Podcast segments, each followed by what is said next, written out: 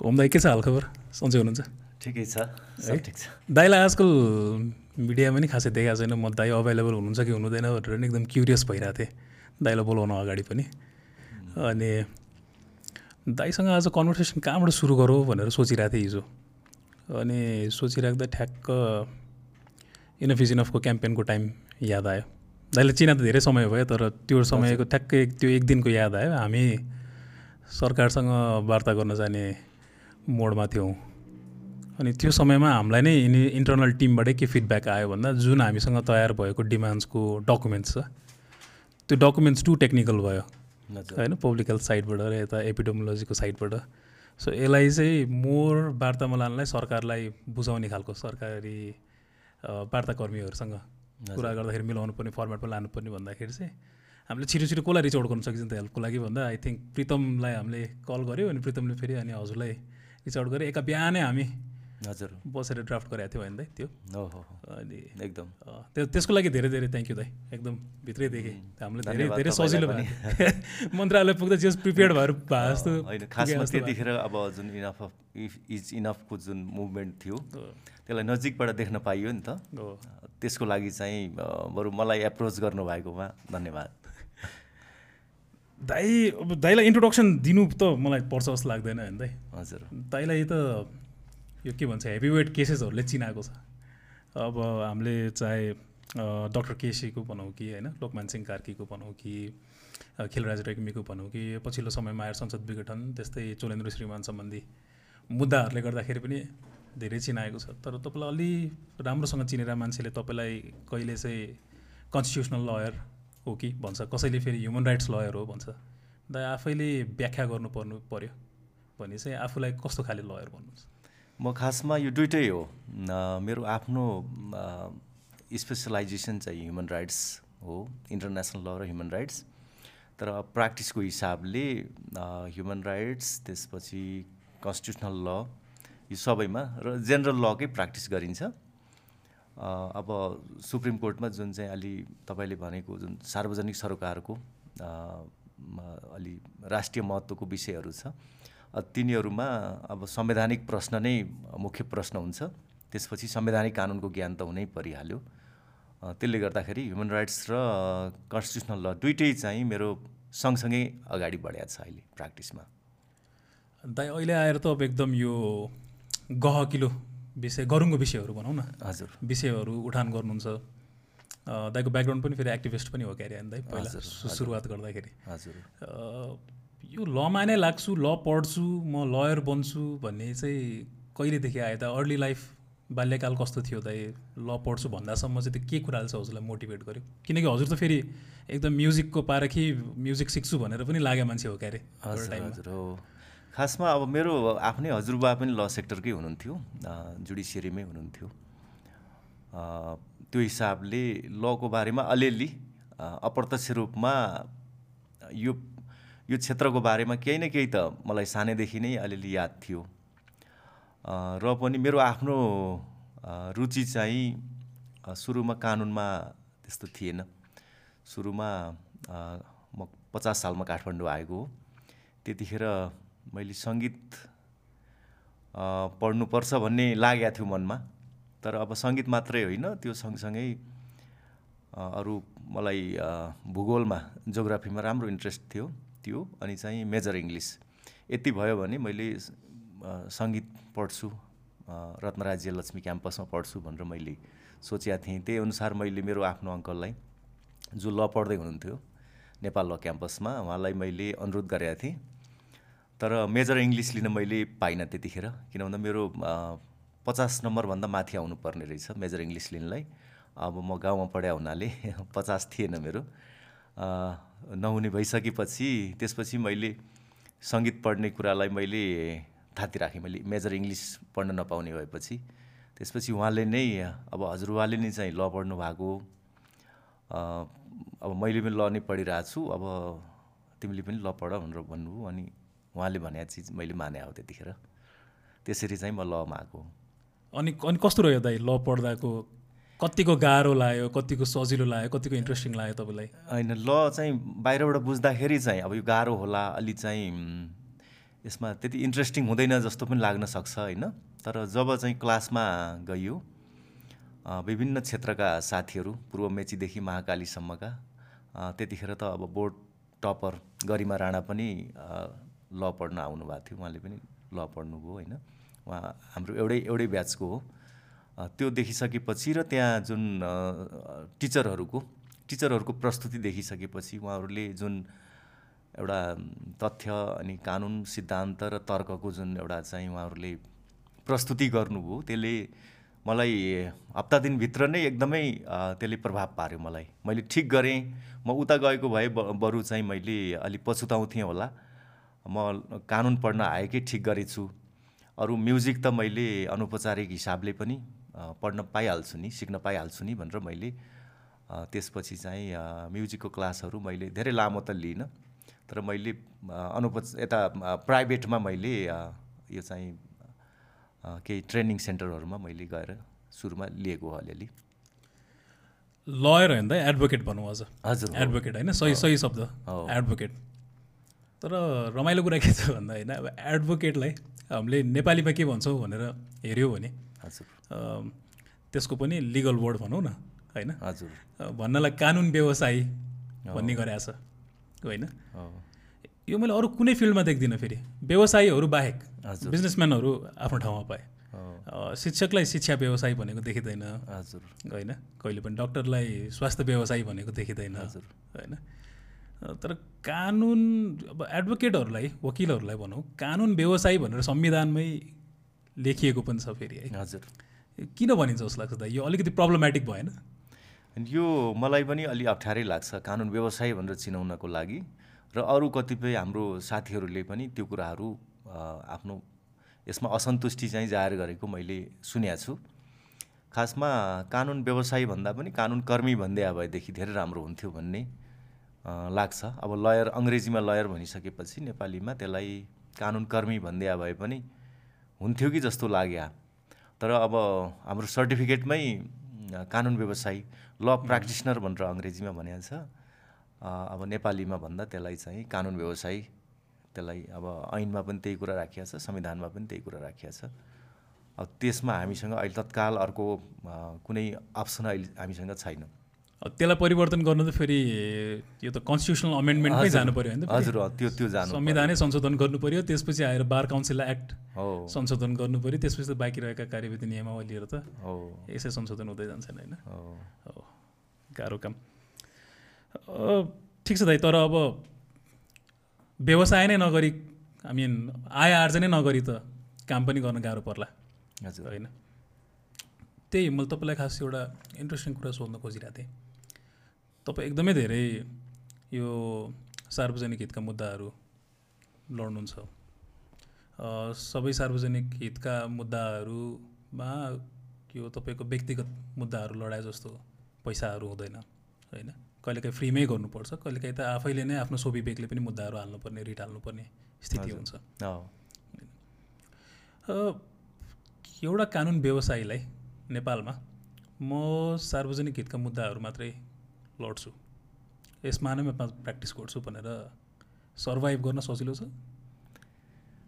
त्यो चाहिँ त्यति अ, त्यो सस्टेनेबल नहुन सक्छ। उम्, कि त अब कुनै अ, एउटा गैर सरकारी संस्थासँग आबद्ध भएर हो भने त्यो होला। म खालि सार्वजनिक सरकारको मुद्दा मात्रै हेर्छु भन्ने कुरा त्यो कतिपय साथीहरूले गर्नुभएको छ। तर उहाँहरू चाहिँ कुनै न कुनै संस्था कुनै न कुनै फन्डिङमा चाहिँ आश्रित हुनुहुन्छ। अब फन्डिङमा आश्रित भएर अनि सार्वजनिक सरकारको मुद्दा गर्दाखेरिको अवस्थामा त्यहाँ हेरि नै फेरि चाहिँ दृष्टिकोण फरक हुनसक्छ। किन भन्दा फन्डिङ कहीँबाट आएको छ। अब त्यो फन्डिङको त्यसलाई अब त्यो फन्डलाई खर्च गर्नु पर्यो र त्यस कारणले मुद्दा जन्मियो कि? अथवा फन्ड दिनेले चाहिँ कुन विषयमा केन्द्रित भएर फन्ड दिएको छ? उसको पनि कुनै स्वार्थ छ कि होइन? अब त्यसरी पनि चाहिँ प्रश्नहरू कहिलेकाहीँ जन्मिन्छन्। यद्यपि त्यसलाई अहिले त्यसमा धेरै ठुलो आलोचना गर्नुपर्ने परिस्थिति बनिसकेको अवस्था छैन। अब एउटा व्यक्तिले अब सधैँ चाहिँ अब नि शुल्क कामहरू मात्रै गर्ने सार्वजनिक सरकारको मुद्दा मात्रै उठाउने हो भने उसको आफ्नो चाहिँ जीविका केबाट चल्छ त? होइन? जीविका चलाउने आधार नै नराखिकन ऊ समर्पित भएको छ भनेपछि त्यो कसै कसैलाई होला तर त्यस्तो खालको मान्छे देखिया छैन। जो चाहिँ पहिल्यै धनी छ जसको आर्थिक स्रोत इन्कम सोर्स छ उसको र उसले त्यही मात्रै गर्छु भन्यो भने त अब सम्भव त होला। तर आम कानुन व्यवसायको लागि त्यो सम्भव छैन र त्यो फेरि त्यति धेरै रुचिकर पनि हुँदैन। किन भन्दा यसमा आइसकेपछि केही न केही अब डाइभर्स इस्युजहरूमा नै आफूलाई संलग्न गर्नको लागि चाहिँ बढी रुचिकर हुन्छ। र त्यसले अझ बढी हामीले योगदान गर्न सक्छौँ। खालि एउटा सार्वजनिक सरोकारको दृष्टिकोणबाट मात्रै हेर्दाखेरि भोलि निजी सरोकारका कुराहरूलाई न्याय भनेको त फेरि निजी क्षेत्रको निजी सरोकारको दृष्टिबाट पनि हेर्ने क्षमता विकास गर्नुपर्ने हुन्छ। त्यस कारणले गर्दाखेरि सार्वजनिक सरोकारको मुद्दा मात्रै हेर्छु भनेर एउटा लयरले चाहिँ आफूलाई लिमिट गर्नु उचित छैन। खास राम्रो त के हो भने अब आफ्नो पेसा गर्ने पेसा गर्दाको क्रममा जुन प्रोबोनो सर्भिस दिनुपर्ने एउटा चाहिँ दायित्व हुन्छ खास लयरको। जुनसुकै फिल्डको पनि हुन्छ अब लयरको पनि विशेष गरेर लयरको हुन्छ। त्यसमा लिगल एड दिने फ्री लिगल एड दिने र अरू सार्वजनिक सरकारका मुद्दाहरू उठाउने त्यो चाहिँ हरेक लयरको चाहिँ दायित्व हुनुपर्छ। त्यो भयो भने विकेन्द्रीकृत पनि हुन्छ नि। अब सार्वजनिक सरकारको मात्रै हेर्छु भन्यो भने ऊ काठमाडौँमा बस्ला होइन? अथवा कुनै एउटा सहरी एरियामा बस्ला कुनै एक ठाउँमा केन्द्रित होला ऊ। तर अरू बाँकी ठाउँ त छुट्छन् नि त होइन? हामीले त यो स्थानीय तहदेखि नै अहिले अब न्यायिक क्रियाकलापहरू त स्थानीय तहमा पनि हुन्छ। भनेपछि अब त्यो त हरेकको चाहिँ जिम्मेदारी हुनु पऱ्यो प्रत्येक लयरले उसले चाहिँ पाँच प्रतिशत दस प्रतिशत बिस प्रतिशत कति हो? अथवा चालिस प्रतिशत पचास प्रतिशत कति हुन्छ? उसले चाहिँ सार्वजनिक सरकारको मुद्दा र चाहिँ कानुनी सहायताको लागि चाहिँ उसले छुट्याउनु राम्रो त्यो गऱ्यो भने धेरै सस्टेनेबल हुन्छ। त्यो एकदमै त्यसले त्यसले राम्रो गर्छ। अब त्यसको एउटा संयन्त्र बनाउनु पऱ्यो पनि होइन?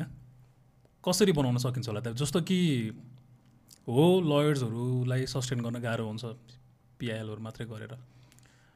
तर एट द सेम टाइम हामीले सर्वसाधारणहरूलाई जुन यो मुद्दाहरू लिएर आउन मन लाग्छ। त्यो बेलामा त हेल्प गर्न त चाहिन्छ। फेरि। प्रब्लम के हुन्छ भन्दा यहाँ सरकारी वकिलका पनि जान अलिकति कन्फ्लिक्ट भयो। किनकि राज्यको विरुद्धमा हो सार्वजनिक सरकारको उनीहरूकोमा जान मिलेन यसमा। मिलेन। अब राज्यको विरुद्धमा हाल्नुपर्ने हुन्छ धेरै जस्तो इस्युजहरू त्यो गर्दाखेरि त मिलेन। अब त्यसको लागि चाहिँ संयन्त्र बनाउनु पऱ्यो भने के ल फर्म्सहरूले लयर्सहरूले नै कुनै एउटा सिएसआर जसरी हजुर। फन्ड्सको पुल बनाएर एउटा संयन्त्र बनाउन पोसिबल हुँदैन होला? अब नेपाल बार एसोसिएसन अब सतहत्तरै जिल्लामा छ। अब त्यसपछि अब हाइकोर्टहरू जहाँ जहाँ छन्। हाइकोर्टको इजलासहरू जहाँ जहाँ छन्। त्यहाँ पनि छ। अब सर्वोच्च अदालत अनि चाहिँ अब विशेष अदालत अरू कतिपय न्यायाधिकरणहरू धेरै ठाउँ नेपाल बार एसोसिएसनको संयन्त्र छ। अब नेपाल बार एसोसिएसनको संयन्त्रले त्यो काम गरिदिँदाखेरि धेरै राम्रो हुन्थ्यो। र सँगसँगै अब बार काउन्सिल छ। बार काउन्सिलले लयरहरूको जुन नियमन गर्छ उसले चाहिँ आफ्नो आचार संहितामा लयरहरूलाई यो खालको केही केही अवस्थाहरू केही मात्रामा भए पनि बाध्यकारी जस्तो बनाइदियो भने र त्यस्तो सार्वजनिक सरकारको विषय कहीँ छ र कसैले लो यो विषयमा गरौँ भनेर भन्यो र सम्बन्धित लयरलाई पनि चित्त बुझ्यो भने फेरि कसैले चाहिँ फिल त गर्ला लिएर आउला तर लयरले पनि फिल गर्न पाउनु पऱ्यो लयरले त आफ्नो निर्णय गर्ने नगर्ने निर्णय त उसैको हुन्छ। किन भन्दा बाहिर मान्छेले जसरी बुझिया छ इस्युलाई त्यही रूपमा बुझिदिनुपर्छ त्यही शब्द राखिदिनुपर्छ भन्ने पनि कहिलेकाहीँ हुन्छ। त्यो चाहिँ प्रोफेसनल्ली त्यो कुराहरू कहिलेकाहीँ करेक्ट र त्यो एचिभेबल नहुन पनि सक्छ होइन? तर कहीँ न कहीँ तपाईँले भन्नुभएको जस्तो सिएसआर यो कर्पोरेट सोसियल रेस्पोन्सिबिलिटी अन्तर्गत र इन्डिभिजुअल सोसियल रेस्पोन्सिबिलिटी अन्तर्गत पनि किन लयरले चाहिँ यो दुइटै एप्रोचबाट आफ्नो व्यक्तिगत रूपमा पनि आफ्नो चाहिँ समाजप्रतिको जुन दायित्व छ कानुन कर्मीको हैसियतले यो चाहिँ उसले परिपूर्ति गर्ने क्रममा यो चाहिँ सार्वजनिक सरकारको विषय र अरू नि शुल्क कानुनी सेवा जो चाहिँ असहाय छन् उनीहरूको लागि दिनुपर्ने कुराहरू यो पेसाकै एउटा पार्ट एन्ड पार्सलको रूपमा आउनुपर्छ जस्तो लाग्छ मलाई। कुरा निकालिहाल्यौँ हामीले हजुर। सार्वजनिक हितको मुद्दा भनेर। जेनरली यसलाई हामीले पब्लिक इन्ट्रेस्ट लिटिगेसन पिआइएल। भनेर पनि बुझ्छौँ। तर बाहिर सर्वसाधारणहरूले जेनरल पब्लिकले तपाईँले खासै यसको बारेमा कुरा गरेर देख्नुहुन्न। यसको सैद्धान्तिक कुरा भनौँ विशेष गरी यो किन महत्त्वपूर्ण छ यो के हो? हजुर। चलिरहेको मुद्दाको बारेमा मात्रै धेरै कुरा हुन्छ तर यो पब्लिक इन्ट्रेस्ट लिटिगेसन किन इम्पोर्टेन्ट छ यो के हो भन्ने कुराको चाहिँ डिस्कसन खासै भएको सुनिँदैन। हजुर। आज यही प्लेटफर्मबाट पब्लिक इन्ट्रेस्ट लिटिगेसन भने के हो यसको महत्त्व के हो भन्ने कुरामा थोरै प्रकाश पारिदिनु हुँदा अब यो विषय संविधानमा नै अहिले त यो कुरा प्रश्न लेखिया छ र संविधानको धारा एक सय तेत्तिसमा त्यसपछि धारा एक सय चौवालिसमा पनि यो कुरा छ। एक सय तेत्तिसमा सर्वोच्च अदालतको क्षेत्राधिकार अन्तर्गत छ। एक सय चौवालिसमा उच्च अदालतको क्षेत्राधिकार अन्तर्गत छ। र यो यो सम्बन्धी कतिपय विषयहरू देवानी संहितामा पनि मुलुकी देवानी संहितामा पनि छ। र यसमा खालि के हो भने अब सार्वजनिक हक हितको विषय छ र त्यसमा संवैधानिक र कानुनी प्रश्न छ भने। त्यो विषयलाई चाहिँ सर्वोच्च अदालतको अथवा उच्च अदालतको कहिलेकाहीँ जिल्ला अदालतको पनि उसको क्षेत्राधिकारमा ल्याउने र त्यसको चाहिँ न्याय निरूपण गर्ने विषय हो। सार्वजनिक हित र सरोकार भन्दा बित्तिकै कुनै एउटा व्यक्तिको निजी हितको कुरा हुँदैन त्यहाँ। निजी हित नै रहेछ भने पनि धेरैजनाको एउटा समुदायको सबैको भइसकेपछि अब त्यो निजी पनि भयो समु समुदायगत पनि भयो त्यो। र कहिलेकाहीँ त अब राष्ट्रिय सरोकारकै विषयहरू पनि हुन्छन् होइन? त्यो खालको विषय छ त्यसमा कसैको हक अधिकार कुण्ठित भएको छ अथवा कुनै निकायले आफ्नो कानुनी कर्तव्य चाहिँ पुरा गरेको छैन। भने ती विषयहरूलाई चाहिँ अदालतको क्षेत्राधिकारभित्र ल्याउने र चाहिँ अधिकारको प्रचलन गराउने संवैधानिक र कानुनी प्रश्न छ भने त्यसको निरूपण गर्ने। के हो त यसको निकास? समाधान के हो भन्ने कुरा दिने। त्यसपछि कुनै अब निकाय पदाधिकारीले आफ्नो कर्तव्य पालन गरेका छैन कानुनी कर्तव्य पालन गरेका छैन भने त्यो पालना गर्न लगाउने। उसको कर्तव्य पालना हुँदा बित्तिकै व्यक्तिको अधिकार क्रियाशील हुन्छ व्यक्ति अथवा समुदायको। कहिलेकाहीँ चाहिँ राष्ट्रको जुन एउटा चाहिँ आफ्नो कानुनी सुशासनको कुराहरू हुन्छ त्यो चाहिँ स्वतः क्रियाशील हुने कुराहरू हुन्छ। यो एउटा धेरै महत्त्वपूर्ण क्षेत्र हो। यसबाट चाहिँ एउटा खास गरेर लयरले वा चाहिँ अब सार्वजनिक सरोकारको मुद्दा त अब कुनै पनि नेपाली नागरिकले अब संस्थाले पनि उठाउन पाउँछ। कानुन बाज्यको विषय त्यसलाई चाहिँ कहीँ बदर गराउनु पऱ्यो भने नेपाली नागरिकले पऱ्यो तर अरू सार्वजनिक सरोकारको विषय उठाउनको लागि चाहिँ कोही नेपाली नागरिक अथवा गैर नागरिकले पनि सक्छ कहिलेकाहीँ होइन? उसको त्यसमा चाहिँ विशेष सम्बन्ध तात्विक सरोकार छ अर्थपूर्ण चाहिँ उसको त्यहाँ सम्बन्ध छ होइन मिनिङफुल रिलेसन र चाहिँ सब्सटान्सियल इन्ट्रेस्टको विषयहरू छ भने र अब यसमा गैर सरकारी संस्थाहरूले पनि त्यो खालको मुद्दाहरू लिएर आउन सक्ने सङ्गठित रूपमा पनि ल्याएर लिएर आउन सक्ने अवस्थाहरू छन्। दाइले ठ्याक्क उठाइहाल्नु भयो कुरा सोधिहाल्छु। यो जेनरल पब्लिकले सर्वसाधारणले कुनै एक नागरिकले अथवा कुनै केसेसमा त नागरिक होइन भने पनि पाइयो भन्नुभयो होइन? हजुर। कुनै एक व्यक्तिले मैले आज मुद्दा दायर गर्छु भन्दा विशेष गरी सार्वजनिक हितका मुद्दामा कति सहज छ दाइ? म आफूले नै बहस गर्छु म आफूले नै मुद्दा हाल्छु। हो पाइने अधिकार त छ। होइन? अधिकार त प्रत्याभूत त गरेछ हजुर। तर गाह्रो त फेरि त्यसको एउटा फर्म्याट छ त्यसरी लानु पऱ्यो मुद्दा दर्ता गर्दाखेरि यसरी लेख्न जान्नु पऱ्यो यो सब कुराहरू इत्यादि अलिकति बाधा अडचन नै छ भनौँ न। किनकि त्यति सजिलो छैन। हाम्रो एक्सेस भनौँ जस्टिससम्म पुग्नको लागि। हजुर। त्यसलाई त्यसलाई कसरी हेर्नुहुन्छ दाइ तपाईँले? यो असम्भव नै चाहिँ छैन। होइन कोही व्यक्तिले कोही सचेत व्यक्ति छ भने उसले पढालेखा मान्छेले अब केही न केही मसुदाको न्यूनतम कुराहरू त पुरा गर्नु पऱ्यो तर यो हाइली यसलाई टेक्निकल बनाएर वकिल बाहेक अरू कसैले सक्दैन। वकिल पनि यसमा सार्वजनिक सरकारको मुद्दा गरेको वकिलले मात्रै सक्छ भन्ने खालको कुरा त्यति चाहिँ होइन त्यो। कतिपय कानुन नपढेका मान्छेहरूले पनि सार्वजनिक सरकारका मुद्दाहरू उठाएर उहाँहरूले सर्वोच्च अदालतमा आफैले बहस पैरवी गरेको पनि अवस्थाहरू छ। एकदमै धेरै चर्चित मुद्दाहरू पनि छन्। त्यस कारणले यो चाहिँ अरूले पनि सक्छ। खालि बुझाइदिनेले हामीले बुझाउने मान्छेले यो त वकिलकै क्षेत्र हो यो अरूले सक्दै सक्दैन भनेर त्यो खालको चाहिँ बुझाइ गराइदिनु भएन भन्ने लाग्छ। बरु इम्पावर गर्ने जस्तो चाहिँ अब प्यारालिगल जुन एउटा सर्भिस दिनेहरू ल नपढेकोलाई पनि अहिले इम्पावर गरेर उहाँहरूले चाहिँ असहायहरूलाई कानुनी सेवा दिने कामहरू गरिरहनु भएको हुन्छ विभिन्न ठाउँमा।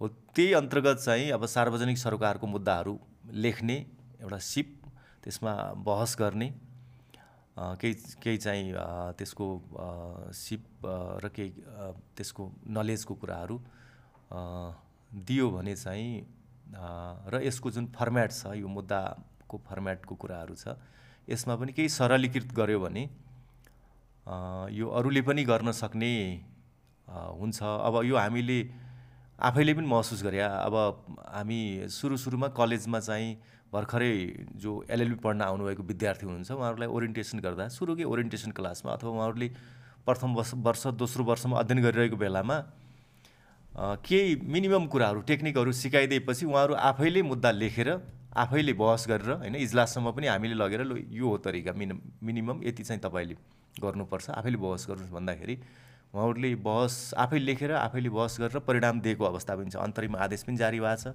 पछि परमादेश पनि जारी भएको छ होइन? यस्तो अवस्थाहरू पनि छ। त्यस कारणले यसलाई ललाई चाहिँ हाइली टेक्निकल कुरा हो भनेर चाहिँ त्यसरी व्याख्या गरिनु हुँदैन। र अदालतले अब कतिपय अभ्यासहरूमा हेर्दाखेरि पनि अब भारतकै कुराहरू गर्ने हो भने कहिलेकाहीँ अब कागज र कलम एउटा कागज एउटा सामान्य कागजमा अब चुरोटको चाहिँ कागजमा लेखेर चाहिँ अदालतमा दिएको आधारमा पनि त्यसबाट मुद्दाहरू जन्मिया छ। भनेपछि यसलाई त्यो ढङ्गले हामीले विकास गऱ्यौँ भने यो जो जागरुक छ अब कानुन पढेरै फेरि चाहिँ लाइसेन्स लिएर गर्छु भन्नको लागि धेरै लामो समय लाग्छ त्यो असम्भव पनि हुन्छ। र त्यसले एउटा विकेन्द्रीकरण पनि हुँदैन। सबै क्षेत्रमा कानुन व्यवसाय पुग्न पनि सक्दैन। अब पुगिहाल्यो भने पनि उसले चाहिँ अब उसले आफ्नो पेसा व्यवसायको हिसाबले हेऱ्यो भने त्यो चाहिँ अ, निशुल्क पनि काम नहुन सक्छ कहिलेकाहीँ।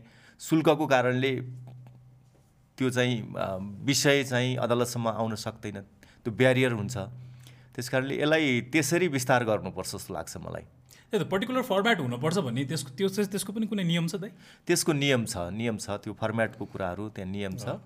तर त्यसलाई चाहिँ अलि सरलीकृत रूपमा बुझ्नु पर्यो। तर त्यो नियम त अलिकति उ भएन। मैले देखाएको चाहिँ हजुर। के भन्छ त्यसलाई परस्पर विरोधी भन्छ क्यारे त्यो किनकि अधिकार दिएछ नागरिकले पनि मुद्दा हाल्न पाउँछ भनेर। हजुर। तर फेरि फर्मेट बनाइदिएर चाहिँ त्यो चाहिँ अब टेक्निकल बनाइदियो कि त्यसलाई। हजुर। त्यसको लागि प्रोफेसनलै चाहियो। प्रोफेसनल खोज्ने कि तपाईँले अघि भने जस्तो आर्थिक स्थिति कमजोर हुनसक्छ के हुन्छ म आफ्नो मुद्दा आफैले लड्छु किनकि यसको बारेमा नलेज मलाई। धेरै छ भन्ने छ नि त। त्यसलाई सिम्प्लिफाई गर्नको लागि त्यो फर्मेटवाला विषयहरू हटाउँदा झन् केओटिक हुन्छ कि?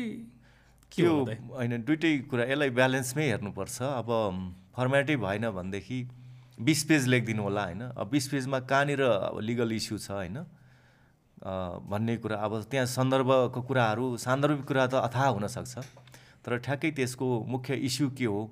कसरी फ्रेमिङ गर्ने होइन? ल र लको एप्लिकेसन कसरी गरिरहेछ? प्रिन्सिपलहरूको नजिरहरूको चाहिँ एप्लिकेसन कसरी गरिरहेछ? कहाँ के कुरा भाइलेसन भएको भन्ने कुरा चाहिँ स्पेसिफिक हुँदाखेरि अदालतलाई सजिलो हुन्छ होइन? मुद्दा दर्ता गर्ने क्रममै त्यही हेर्ने हो सुरुमा।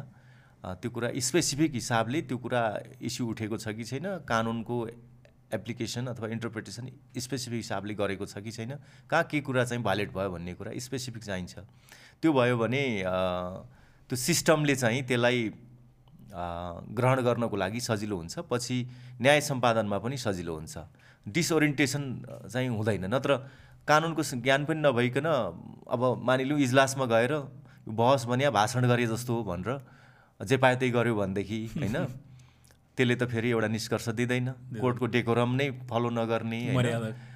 मर्यादा। नै फलो नगर्ने त्यो परिपालन नगर्ने होइन? अनि लेखाइमा पनि अब कानुनी शब्दहरू एउटा मर्यादित शब्दहरू नलेखेर अरू नै लेख्ने गर्यो भने त्यो चाहिँ अप्ठ्यारो आउँछ। कतिपयले त्यो खालको पनि एटेम्प्टहरू गर्नुभएको छ। है वकिलले लेखिया भएन यो मेरो कुरा म आफै लेख्छु भनेर लेख्नु भएको छ कतिपयले। तर त्यो लेख्दाखेरि अब गाली गलौजको कुराहरू छ होइन? अनि चाहिँ जुन आफ्नो अधिकार कहाँनिर अधिकारमा आँच आयो भन्ने कुरा स्पष्टसँग भन्न सकेका छैन। अथवा उहाँलाई लागेको कुरा त्यो कानुनी विषय नहुन पनि सक्छ अधिकार उल्लङ्घनको विषय नहुन पनि सक्छ नि उहाँले आफूलाई पीडित भए भने पनि अथवा कुनै समुदाय पीडित भयो भने पनि त्यो एउटा राजनीतिक मुद्दा मात्रै पनि हुनसक्छ नि। उहाँको आफ्नो पो व्याख्या भयो। यो कुरा केही न केही कानुनी ज्ञान त अब चाहिन्छ नै होइन। अँ, त्यस कारणले त्यो न्यूनतम कुरा के हो भन्ने कुरा हेरिदिनु पऱ्यो हामी अधिकतम कुरा यसको चाहिँ थ्रेसहोल्डलाई चाहिँ अलिक बढाएर होइन कि यसलाई घटाएर न्यूनतम कुरा यति भइसकेपछि कोर्टमा प्रवेश गर्नको लागि चाहिँ योग्य हुन्छ भनेर त्यसका त्यो शर्तहरू पूर्व शर्तहरू चाहिँ लाई अलिक घटाएर न्यूनतममा झारेर यसलाई अलिक सजिलो बनाउनु चाहिँ सकिन्छ जस्तो लाग्छ मलाई। पिआलकै कुरा गर्दाखेरि क्लास एक्सन लसुटको बारेमा पनि कुरा गर्न मन लाग्दा क्लास एक्सन नेपालमा खासै प्र्याक्टिस नै छैन भन्दा नि हुन्छ होला। यो पहिला त क्लास एक्सन लसुट भनेकै के हो भन्नेतिर जाउँ। थप हजुरलाई एउटा उदाहरण दिन्छु। हजुर। अहिले आउँदाखेरि पनि दाइले बाटो याद गर्नुभयो होला। हजुर गरियो। बाटो बिजोक छ। हजुर। नखुदेखि यहाँ माथि भैँसपाटीसम्मको बाटो हजुरको सायद नबनेको छ वर्ष भयो होला। त्यो ठेक्का पाइसकेपछि त्यो पनि। हजुर। होइन? चान्चुन छ वर्ष हुन लागेको अरे। अब विदेशमा हुन्थ्यो भने तपाईँको यो ठाउँको बासिन्दाहरू सबै मिलेर धेरैभन्दा धेरै मिलेर एउटा रिट दायर हुन्थ्यो। यसमा कसलाई कारवाही गर्नेदेखि लिएर दोषी को होदेखि लिएर सवारीमा पर्न गएको क्षतिपूर्तिदेखि लिएर कहिलेकाहीँ दुर्घटना नै भएको होला यहाँ। हजुर। अनि सँगसँगै त्यो धुलोले गर्दाखेरि स्वास्थ्यमा पर्न जाने असरका लागि क्षतिपूर्ति प्रदान गर्नको लागि केसेसहरू फाइल पनि हुन्थ्यो र मलाई जहाँसम्म लाग्छ यस्तो केसेसमा त ठुलै क्षतिपूर्ति पनि डिस्पर्स हुन्थ्यो। हाम्रोमा यहाँ त यो कुरा प्र्याक्टिसै भएको देखिँदैन त किन होला? यसको जुन तपाईँले क्लास एक्सन लिटिगेसनको कुरा गर्नुभयो अब हाम्रोमा पब्लिक इन्ट्रेस्ट लिटिगेसन भनेर भनियो यो अझ ब्रड छ। यो भित्र क्लास एक्सन लिटिगेसन पनि पर्न सक्छ। क्लास भन्दा बित्तिकै त्यहाँ एउटा क्लासको एउटा कम्युनिटी भन्दा पनि एउटा क्लासको कुरा आउने भयो होइन? जस्तो चाहिँ कोही टिचरहरू छ कोही मजदुरहरू छ भने त्यो मजदुरहरूको साझा सरोकारको विषयहरूमा उनीहरूले आफ्नो चाहिँ पेटिसनहरू लिएर जाने भयो एउटाले गरेपछि अरूलाई पनि हुने गरी ऊ जस्तै अरूलाई पनि हुने गरी त्यो खालको हुने भयो। त्यसले अलि क्लासलाई रिप्रेजेन्ट गर्ने भयो। अथवा कुनै एउटा पर्टिकुलर क्याटेगोरीको कुनै भनौँ न अहिले पीडितको कुरा गर्दाखेरि पनि बाटोको दायाँ बायाँको घरहरू पीडित भए भने अब उनीहरूले आफूलाई एउटा एउटा वर्गको रूपमा उनीहरूले लिएर चाहिँ गर्न सक्ने भए त्यसबाट चाहिँ पेटिसन जान सकिने भयो। अब त्यो कुरा चाहिँ अब हाम्रोमा सार्वजनिक सरकार अन्तर्गत पनि त्यतापट्टिबाट गए पनि हुन्छ।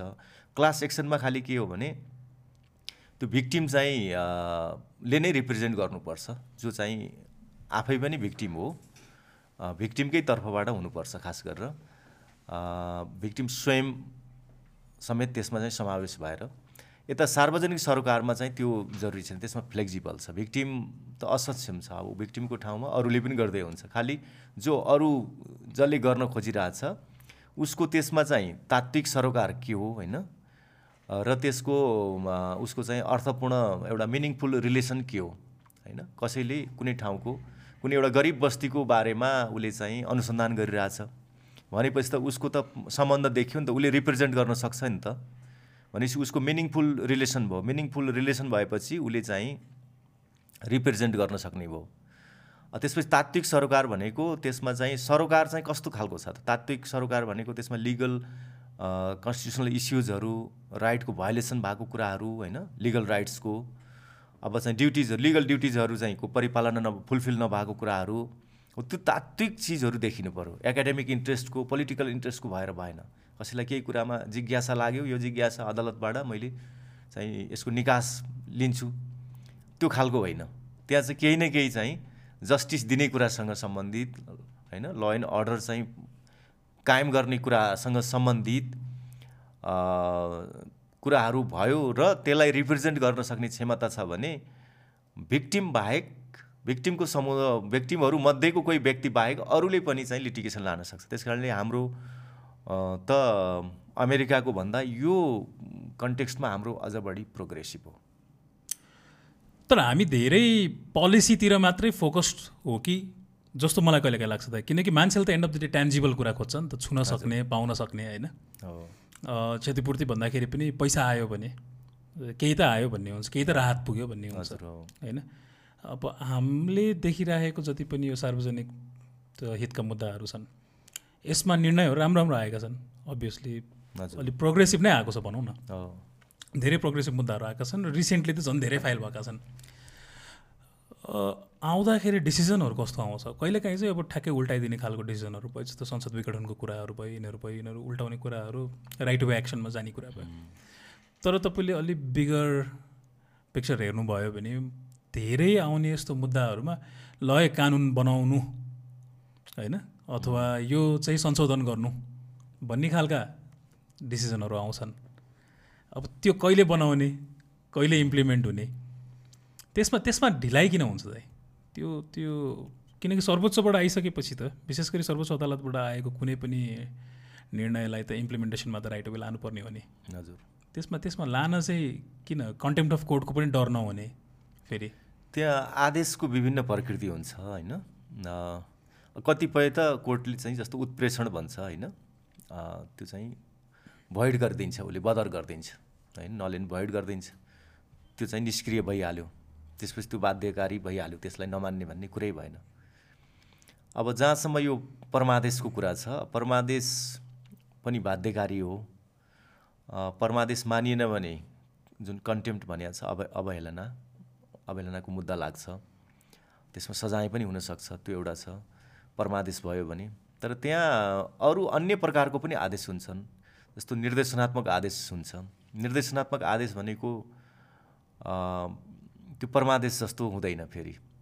त्यो चाहिँ अलिक फ्लेक्जिबल हुन्छ। किनभने राज्यको स्रोत साधन राज्यको प्राथमिकता अ, सँग सम्बन्धित कुराहरू हुन्छ। राज्यको भनेको सरकारको खास गरेर। उसले कहिलेकाहीँ अदालतले यति महिनाभित्र यसो गर नै भने हुन्छ होइन। जस्तो कानुन ल्याऊ भन्यो भने अब सरकारलाई आदेश दिने हो संसदलाई आदेश दिन मिल्दैन अदालतले। सरकारलाई आदेश दिँदाखेरि सरकारको काम भनेको त मसुदा एउटा चाहिँ विधेयकसम्म लाने हो। हो अब विधेयक यति समयभित्र प्रस्तुत गरेर संसदमा भन्यो भने अब त्यो समयभित्र त गर्नै परिहाल्यो। तर पास कहिले हुन्छ भन्ने कुरा फेरि सरकारको हातमा नहुन पनि सक्छ। हो त्यस्तो कुराहरू अदालतले चाहिँ त्यसलाई उसको पनि लिमिटेसन छ। उसले उसले पनि असम्भव कुराहरू अथवा हाम्रो पद्धतिले जुन कुराहरू एक्सेप्ट गर्दैन त्यो कुराहरू चाहिँ उसले पनि गर्न मिल्दैन। उसको रोल त लिमिटेड रोल छ नि त कोर्टको पनि।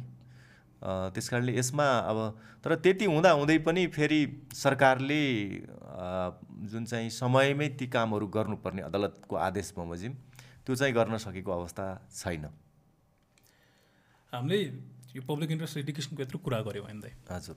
यो विशेष गरी त हाम्रो मौलिक अधिकारहरू प्रिजर्भ गर्नलाई र अर्को कुरा त ऐन कानुनले दिएको ठाउँमा बाजिएका निर्णयहरूलाई उल्टाउनको लागि नै धेरै प्रयोग गरिन्छ। हजुर। र अघि हजुरले भन्नुभएको जस्तो हामी धेरै अगाडि छौँ प्रोग्रेसिभ छौँ यो कुरामा चाहिँ भन्नुभएको छ होइन। अब हामीले देखि पनि रहेछौँ फेरि होइन त्यो भइरहेको छन्। त्यो हिसाबले त हामी त मानव अधिकारको सूचीमा त हामी त धेरै माथि हुनुपर्ने होइन? तर दाइलाई कस्तो लाग्छ? हामी मानव अधिकारको हिसाबले हामी नेपालीहरू कहाँ छौँ अहिले? हाम्रो एक्सेस टु ल एन्ड जस्टिसकै पनि कुरा गरौँ। हजुर। त्यसमा हामी कहाँ छौँ दाइ अब कानुन अब संविधान अन्तर्राष्ट्रिय सम्झौता यो यसलाई त्यसमा भएको कुराहरूलाई एक्सेप्ट गर्ने होइन? कुरामा त अब नेपाल ठिकै अवस्थामा छ तर त्यो लागू गर्ने कुराको सम्बन्धमा नेपाल धेरै पछाडि छ। अब त्यो कुरा फेरि हाम्रो सिटिजनको लेभलमा त्यो चाहिँ ल एबाइडिङ कल्चर अब सिटिजनको लेभलमा छैन। अब त्यसपछि स्टेटको अब मेकानिजममा जो जसले काम गर्छ स्टेट अथोरिटीहरू उनीहरूमा पनि त्यो छैन। अब हाम्रोमा अब अधिकारको सूची त व्यापक छ। मौलिक हकै हेर्नुभयो भने कति धेरै छ हाम्रोमा। त्यसपछि अब त्यसै गरेर अरू त्यो मौलिक हकलाई कार्यान्वयन गर्नको लागि कतिवटा ल बनेका छन् होइन? मौलिक हककै कार्यान्वयनको लागि भनेर कानुनहरू बनेका छन् थुप्रै कानुन। अब अन्तर्राष्ट्रिय सन्धि सम्झौता त कति छ कति छ हाम्रो झन् होइन? हामी दक्षिण एसियामा सबैभन्दा अगाडि छौँ। अरू संसारका धेरै देशभन्दा हामी राम्रै राम्रै अवस्थामा छौँ। तर कार्यान्वयन भइरहेको छैन। अब हाम्रोमा के छ भने अब कानुनभन्दा माथि सम्झिने पनि अझै पनि परिपाटी छ। जस्तो शासक भनेर आफूलाई चाहिँ कुनै पदमा हुँदा बित्तिकै म शासक होइन रुलिङ क्लास होइन? त्योभन्दा बित्तिकै ऊ माथि भइहाल्यो होइन? रुलिङ क्लास र अर्को रुल्ड क्लास अर्को चाहिँ शासित वर्ग। त्यो एउटा भयो। त्यसमा के दम्ब हुने भयो भने म चाहिँ कानुनभन्दा माथि हो जस्तो कुराहरू हुने भयो त्यो। अर्को चाहिँ कानुनको समकक्षी। अब त्योभन्दा थोरै अर्को परिस्थिति अझ बढी देख्छु मैले। म पनि कानुनको समकक्षी हो भन्ने खालको भावना बढी। अब कानुन माथि त प्रिन्सिपल्ली भन्न मिलेन। अब कानुनको मातहत हो खास सबै हुनुपर्ने होइन देशको राष्ट्रपतिदेखि लिएर सबैभन्दा तलको चाहिँ कर्मचारी पनि जोसुकै नागरिक पनि पार्टीका नेताहरू पनि। तर सिद्धान्त त कानुनको अधीन भने पनि व्यवहारले चाहिँ कानुनमाथि अथवा कानुनको समकक्षी जस्तो कानुनको समकक्षी जस्तो भावना चाहिँ धेरै देखिन्छ बढी। त्यो भएपछि कानुन भनेको आफ्नो सुविधाको लागि चाहिँ यताउता यो हामीले बनाएको चिज हो संविधान हामीले बना हो। त्यस कारणले हामी चाहिँ कानुनको समकक्षी हो भन्ने भावना बढी छ। हो यो बढी भइसकेपछि अब कानुनको परिपालना नगर्ने अदालतलाई पनि अब कमजोरै ठान्ने होइन अदालतमा पनि आफ्नो चाहिँ स्वार्थपूर्ति गर्नको लागि चाहिँ मान्छे पठाउनुपर्छ अथवा न्यायाधीशले हामीले भने जस्तो गरिदिनुपर्छ। न्यायाधीश पनि हामी जस्तै मान्छे त हुन् नि औसत मान्छे हुन्। उनीहरूले भन्दा बढी हामीले जाने छ। उनीहरूले के जानेर गरे फैसला हो र यस्तो गरेछन् भनेर चाहिँ एकदम हल्का रूपमा टिप्पणी गरिदिने अनि त्यसको चाहिँ जुन चाहिँ एउटा स्याङ्टिटी हुन्छ नि कानुनको एउटा स्याङ्टिटी हुन्छ। अदालतको फैसलाको एउटा स्याङ्टिटी हुन्छ। हो त्यो स्याङ्टिटीमाथि चाहिँ प्रहार गरिदिने। त्यसपछि त्यसको चाहिँ त्यो एभाइडिङ जुन एउटा त्यसको फोर्स हुन्छ त्यो फोर्स चाहिँ स्वतः कमजोर बनाइदिने खालको जनआस्था नै त्यसमा कमजोर बनाइदिने खालको परिपाटी छ। त्यस कारणले जति पनि अदालतबाट फैसला हुन्छन् तिनमा भएका टिप्पणीहरू अब आम एउटा सर्वसाधारणले कानुनको ज्ञानै नभएर गर्ने कुरा त एउटा हो तर जसले चाहिँ राज्य नै हाँक्छु म राज्यको संयन्त्रमा छु भोलि राज्य हाँक्ने हो राज्य सञ्चालन गर्ने हो भन्नेहरूको तहबाट पनि एकदम गैर जिम्मेवार टिप्पणीहरू आएका हुन्छन् त्यसले गर्दाखेरि अदालतको फैसलाहरू कार्यान्वयनमा केही कमी कमजोरीहरू भएका हुन्? एउटा देशवासी जनता एकदम कमनली युज गरिने शब्द जनता। नागरिक कहिले बन्छ त अब नागरिक बन्नको लागि उसको अधिकार के हो होइन? एउटा एसर्टिभ हुनु पऱ्यो अधिकारको बोध हुनु पऱ्यो अनि त्यो अधिकारको चाहिँ इन्जोय गर्न सक्ने हुनु पऱ्यो र त्यसपछि चाहिँ त दायित्व त फेरि भइ नै हाल्छ नागरिकको दायित्व हुन्छ होइन अधिकार मात्रै खोज्ने। त्यो त आफैले आफैलाई माग्ने मात्रै बनाइरहेछ नि अहिले। अब त म दिने हो भन्नेमा हुनु पऱ्यो नि। हो त्यो खालको फिलिङ्स आउनु पऱ्यो त्यो एसर्टिभनेस आउनु पऱ्यो त्यस कारणले त्यो फिलिङ्स आयो नागरिकपना आयो त्यसमा होइन। अब आएन भने ऊ चाहिँ एउटा अब जनता हुन् त एउटा राजनीतिक शब्द हो तर पनि जनता भन्दा बित्तिकै शासक र जनता जस्तो। सार्वम भने पनि फेरि शासक र जनता जस्तो आउँछ नि त्यसको कोरिलेसन तर एउटा नागरिक हुनु चाहिँ धेरै ठुलो कुरो हो। त्यस कारण नागरिक हुनको लागि मगन्ती हुने होइन। जनता चाहिँ अलिक बढी मगन्ती जस्तो आउँछ होइन। सार्वमै भए पनि माग्ने कुरा अथवा लडेर लिने कुरा जहाँ पनि त्यसको अलि अलिक फरक कन्टेक्स्ट छ कि जनता। खालि राजनीतिकसँग बढी जोडिन्छ त्यहाँ। रुल अफ लको कुरा गर्नुभयो भने त नागरिकको कुरा बढी इम्पोर्टेन्ट हुन्छ। नागरिकबाट आफ्नो चाहिँ कर्तव्य पालना गर्ने अनि आफ्नो अधिकारको चाहिँ उपभोग गर्ने त्यो कुरासँग सम्बन्धित छ अब जनता भन्दा बित्तिकै राज्यसँगको कुरा राज्य र जनता शासक र जनता अनि उसँग लड्ने क्रान्ति गर्ने होइन? अब यो खालको चाहिँ कन्टेक्स्ट आउँछ। त्यस कारणले मलाई के लाग्छ भने अब जनताभन्दा पनि नागरिक भएरै हामीले चाहिँ सोच्नुपर्छ। जनता कुनै बेला एउटा कन्टेक्स्टमा कुनै एउटा चाहिँ ठुलो आन्दोलन गर्दाखेरि ठुलो रिभोल्युसन गर्दाखेरि त्यो चाहिँ एउटा डिस्प्यारिटी राज्य सञ्चालक र आम नागरिकको बिचमा ठुलो खाडल परिसकेपछि जुन एउटा डिसप्रपोर्सनेट एउटा चाहिँ अवस्थाहरू आउँछ त्यतिखेर फेरि चाहिँ अलि राजनीतिक हिसाबले फेरि चाहिँ केही अवज्ञा गर्नुपर्ने हुन्छ केही चाहिँ हस्तक्षेप गर्नुपर्ने हुन्छ। त्यो किसिमको एउटा कलेक्टिभनेसको कुराहरू हुन्छ त्यहाँ होइन? त्यतिखेरको कन्टेक्स्टमा चाहिँ जनता उचितै कुरा होला जनता भन्ने न्यारेटिभ नत्र आम रूपमा एउटा इन्डिभिजुअलले पनि गर्ने कुराहरू छ नि त इन्डिभिजुअल सिटिजनले गर्ने कुराहरू छ। अब इन्डिभिजुअल सिटिजनलाई भनेर कति अधिकार दिएको छ?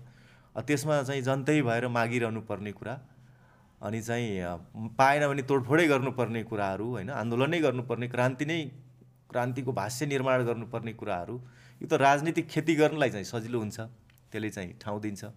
तर साँच्चीकै आफ्नो अधिकारको उपभोग र चाहिँ कर्तव्यको पालना गर्नको लागि चाहिँ यो नागरिक भन्ने जुन शब्द छ यो हैसियत छ योसँग धेरै कुरा छ। यसको यसको विधिशास्त्रलाई हामीले विकास गर्नुपर्छ। हेभी छ है एकदमै। किनभने कर्तव्य आउँछ त्यहाँ। तपाईँ अलि बढी सक्षम हुनुभयो भने तपाईँले केही कमजोरलाई चाहिँ तपाईँले केही चाहिँ सहयोग गर्नुपर्ने हुन्छ। तपाईँले अब कर्पोरेट कम्पनी खोल्नु भएको रहेछ भने पो तपाईँको सिएसआरको कुरा हो होइन? कर्पोरेट सोसियल रेस्पोन्सिबिलिटी कर्पोरेट नखोले यत्तिकै म सक्षम छु कुनै म एउटा कुनै कुराको ज्ञाता छु केही मसँग एडिसनल सरप्लस मसँग पैसा छ आर्थिक स्रोत छ। भनेपछि मेरो दायित्व त राज्य त पछिको कुरा हो। मेरो दायित्व त त्यहीँ तत्काल देन देर सुरु हुन्छ नि त। एउटा सिटिजनले अर्को सिटिजनलाई सहयोग गर्ने कुराहरू। त्यो कुनै फेरि त्यो हेपेर होइन कुनै एउटा चारिटीको जस्तो पनि होइन त्यो। त्यो मेरो कर्तव्य नै हो नि होइन? हरेक सिटिजनले एकले आफूसँग भएको सरप्लस चिज त दिन सकिन्छ नि। म नै रित्ति नै गरिदिने पो होइन त। भनेको यो अन्तिममा यसले एउटा जुन समाजवाद भन्छौँ नि हामीले समाजवादका चाहिँ केही भ्यालुजहरू यसरी पनि चाहिँ विकास यो कन्टेक्स्टमा पनि विकास गर्नुपर्छ। यहाँ चाहिँ अहिले के छ भने समाजवाद भने छ अनि चाहिँ फेरि राज्यमै सेन्ट्रलाइज गर्ने कुरा छ राज्यको हात माथि पर्छ होइन स्रोत साधन पावर सबै उसँग हुन्छ। फेरि उसले दिने कुरा उसँग माग्ने कुरा उसँगबाट खोसेर लिने कुरा यस्तो खालको भाष्य बनाइसकेपछि यसले चाहिँ रुल अफ ललाई एउटा संवैधानिक लोकतन्त्रलाई कन्स्टिट्युसनल डेमोक्रेसीलाई र त्यो मार्फत जुन हामी अगाडि एउटा सुशासन एउटा उन्नति प्रगतिको एउटा जुन सस्टेनेबल उन्नति प्रगतिको कुरा गर्छौँ हो त्यसमा कहीँ न कहीँ फेरि अगाडि जाने पछाडि आउने त्यो खालको चाहिँ कहिलेकाहीँ त दस कदम अगाडि बढेला फेरि सय कदम पछाडि फर्किनु पर्ने पनि हुन्छ। होइन? खालि चाहिँ शक्तिको मात्रै जनता र राज्य अब यो शक्तिको मात्रै सङ्घर्ष गर्ने कुरा। तर त्यस कारणले यो चाहिँ यो इकोसिस्टम जनता र राज्य अथवा जनता र शासक शासक र शासित यो चाहिँ भाष्यभित्रको इकोसिस्टमले त्यति सस्टेनेबल त्यति यो चाहिँ त्यति शान्ति अमन चयनको कुराहरू एउटा चाहिँ दिगोपनाको कुराहरूमा कहीँ न कहीँ समस्याहरू ल्याउँछ। तर नागरिकपना जहाँ छ त्यो नागरिकपनाले चाहिँ विधिको शासनबाटै उसले चाहिँ एउटा सस्टेनेबल जुन चाहिँ एउटा गोल चाहिँ प्राप्त गर्ने हो। एउटा समतामूलक एउटा चाहिँ समाज बनाउने हो। त्यसलाई मद्दत गर्छ भन्ने मेरो चाहिँ बुझाइ अहिले मेरो आफ्नो रियलाइजेसनको कुरा हो यो। अधिकार प्रत्याभूत गर्दा गर्दै कर्तव्यको पनि कुरा भयो। हजुर। त्यसलाई सोध्नु मलाई एउटा इन्ट्रेस्टिङ कुरा दाइ यो ल फर्ममा धेरै केसेस के आउँछ दाइ? कस्तो खाले केसेसहरू आउँछ? मेजोरिटी अफ द केसेस ल फर्ममा त अब वकिलको आफ्नो पृष्ठभूमि अनुसार आउने हो होइन? कसैले चाहिँ फौजदारी कानुनको अभ्यास गर्छन्। होइन प्रिसाइजली हजुरको ए मेरो चाहिँ मेरो आफ्नो त संवैधानिक विषयहरू नै बढी आउने हो। संवैधानिक जुन चाहिँ मौलिक हकको चाहिँ त्यसको प्रचलनसँग सम्बन्धित कुराहरू अथवा अब राज्यको कहिलेकाहीँ नियुक्तिसँग सम्बन्धित विषयहरू हुन्छन् होइन? सही मान्छे योग्य मान्छे नियुक्ति भयो कि भएन सुशासन भयो कि भएन कानुनको पालना भयो कि भएन होइन? यो खालको कुराहरू आउँछन् मेरोमा बढी। दाईलाई दाईको पहिलो केस याद छ? के थियो? मेरो केस याद छ मलाई। के थियो त्यो चाहिँ मेरो जालसाजी मुद्दा थियो जिल्ला अदालतमा पचपन्न सालमा गरे हो मैले। नामै पनि याद छ मलाई सङ्गीता राणाको मुद्दा मैले। त्यो पनि मेरो अर्को सँगै पढ्ने मसँगै पढ्ने साथीले हेरिरहनु भएको केस उहाँले आफूले बहस गर्नु भएन तर मलाई चाहिँ बहस गर्न पठाउनु भएको थियो उहाँले। जित्नु भयो? त्यो मुद्दा जितियो पनि। कति समय लाग्यो त त्यो समय? मलाई जित्यो जस्तो लाग्छ है म फैसला फेरि चेकै गर्नुपर्छ। हजुर हजुर। त्यो त उहाँले त्यो बहसको दिन मलाई पठाउनु हो होइन। उहाँले चाहिँ मलाई मेरो एउटा जुन एउटा सद्भाव राखेर तपाईँ लायक मान्छे हो भनेर बरु आफूले बहस गर्नु भएन मलाई पठाउनु भयो होइन। त्यस्तो मान्छे पाइँदैन नि हतपत। त्यो पनि त्यतिखेर उहिलेको कुरा हो नि त्यो पचपन्न सालमा। समय चाहिँ कति लाग्यो त त्यतिखेर त्यो समयमा? बहस गर्दाको समय? भन्नाले त्यसको मुद्दाको निर्णय ए त्यो सबै मलाई थाहा भएन। जुन दिन मैले बहस गरेँ त्यो दिन चाहिँ फैसला भयो। त्योभन्दा अगाडि कति समय लिइसकेको थियो त्यसले भन्ने कुरा मैले त्यति याद भएन मलाई। वेल त्यो पहिलो केस दाईको हजुर। त्यसपछि दाईलाई सबैले चिनेको केस भनौँ न। नेपाली धेरैले चिनेका केस भने सायद मलाई याद भएसम्म। हजुर। दाइले करेक्ट गर्नु होला है मलाई। मलाई लोकमान सिंह कार्कीको केस हो कि जस्तो लाग्छ। धेरैले डिबेट गरेका एकैचोटि मिडियामा पनि धेरै आएको। खास त्यो केस कसरी सुरु भएको थियो त त्यसमा त्यसमा के थियो कुरा? पहिला एउटा कुरा थोरै म करेक्सन गर्छु? हजुर, हजुर। अब लोकमानको मुद्दा त यो चाहिँ उन्सत्तरी सालको उन्सत्तरी सालमा मैले गरे हो यो। तर योभन्दा अगाडि पनि मैले त्यतिखेरको मिडियामा निकै चर्चित भएको पछि चाहिँ फैसला भइसकेपछि कानुन पत्रिकामा पनि आएको मुद्दाहरू मैले मैले उन्साठी सालमै मलाई लाग्छ उन्साठी सालमै होला यो राज्य रजौटाहरू। जहाँ चार चारवटा राज्य श्री पाँचको अतिरिक्त अरू चारवटा राजाहरूलाई पनि राजाको उपाधि दिने उहाँहरूको मृत्युपछि पनि त्यो ट्रान्सफर हुने अझ अरू उहाँका सन्तान दर सन्तानमा उहाँहरूले विभिन्न खालका चाहिँ सुविधाहरू पाउने विश्वाधिकार। डिप्लोमेटिक इम्युनिटी समेत पनि पाउनुहुन्थ्यो उहाँहरूले होइन? मतलब त्यतिखेरको सायद रातो पासपोर्ट पनि लिएर हिँड्न पाउनुहुन्थ्यो जस्तो लाग्छ। उहाँहरूलाई ऊ राजा नै भनेर सम्बोधन गर्नुपर्ने। त्यो खालको कानुन थियो राज्य रजौटा ऐन। हो त्यसको प्रावधान चाहिँ बदर गरी पाऊँ भनेर मैले उन्साठी सालमै मैले मुद्दा गरेका थिएँ। सायद त्यो एकसट्ठी सालमा फैसला भयो। त्यो मुद्दा असाध्यै चर्चित थियो त्यतिखेर। त्यतिखेर असाध्यै चर्चित भएको। मिडियामा व्यापक आएको खास मलाई त्यसैले चिनाएको हो हामी हामी धेरै सानो भएर थाहा पाएन मलाई। हजुर होइन धेरैले त्यो किन भन्दा पछिल्लो जुन बढी चर्चित भयो अ, त्यो चाहिँ त्यसले अरूलाई फेरि छायामा पारिहाल्छ नि। आफ्नो का- आफ्नो कार्य त आफ्नै कार्यले आफ्नो कार्यलाई एउटा कार्यले अर्को कार्यलाई छायामा पार्छ नि कहिलेकाहीँ। त्यो हुन्छ। त्यसपछि मैले यो चाहिँ खास गरेर यो ब्रिटिस गोर्खाहरूको सम्बन्धमा मैले मास्टर्स डिग्रीमा मैले थेसिस लेखेका थिएँ। अनि जे निष्कर्ष निस्क्यो मैले त्यसलाई पनि मैले सार्वजनिक सरकारको मुद्दाको रूपमा लगेका थिएँ। जस्तो सिङ्गापुर र ब्रुनैमा भर्ती गर्ने कुरा जुन चाहिँ नेपाल र ती देशहरूको बिचमा कुनै ट्रिटी छैन तर त्यहाँ भर्ती भइरहेछ त्यहाँको सेवा सुविधामा पनि अब केही डिस्प्यारिटीहरू छ भनेर त्यसलाई मैले उठाएको थिएँ त्यो विषयमा। पछि त्यो केस सफल पनि भयो एउटा निर्देशनात्मक आदेश भयो। तर त्यो कार्यान्वयन भएको छैन अहिले त्यो होइन। लगायत मैले त्यसरी चाहिँ मेरो सुरु भएको त्यो त्यो सुरुको मेरो चाहिँ चर्चित केसहरू त्यसपछि त एकपछि अर्को अरू मैले मुद्दाहरू गरेँ होइन त्यो प्राय चर्चित नै थियो। पछिल्लो अब लोकमानको गर्नुभन्दा इमिडिएट अगाडि मैले चाहिँ खिलराज प्रकरणमा सुरुवाती मुद्दा नै मैले गरे हो होइन। त्यसपछि त्योभन्दा अगाडि चाहिँ मानव अधिकार आयोग सम्बन्धी ऐन अठसट्ठी सालमा आएको थियो। त्यसका केही प्रावधानहरू संविधानसँग बाजिया थिए। उसका सिफारिसहरू चाहिँ कार्यान्वयन हुने कुराको कुनै प्रत्याभूति थिएन। बरु चाहिँ महाधिवक्ताले चाह्यो भने मानव अधिकारको सिफारिसलाई चाहिँ पालना नगर्न पनि सक्थ्यो मुद्दा नचलाउन पनि सक्थ्यो त्यो खालका प्रावधानहरू थिए।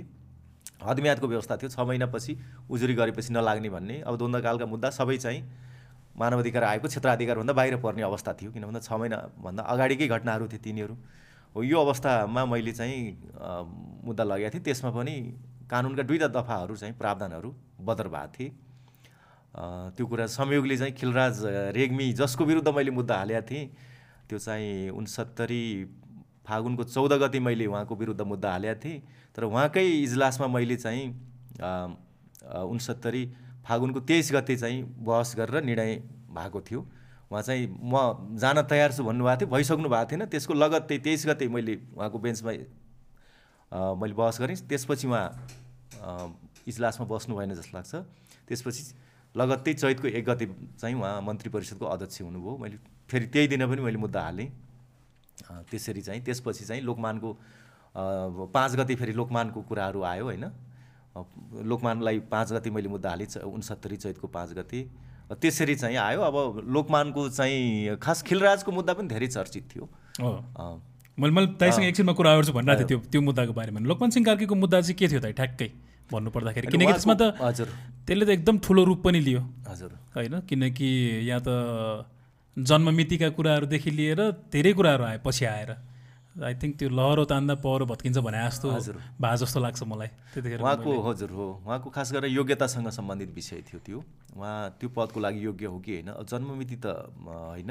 उहाँको योग्यता। उहाँले जनआन्दोलन दमन गर्नुभएको भनेर उच्च स्तरीय रायमाझी आयोगले रिपोर्ट दिएको थियो। त्यसमा त्यो सिफारिसमा चाहिँ कारवाही गर्नु भनेको थियो।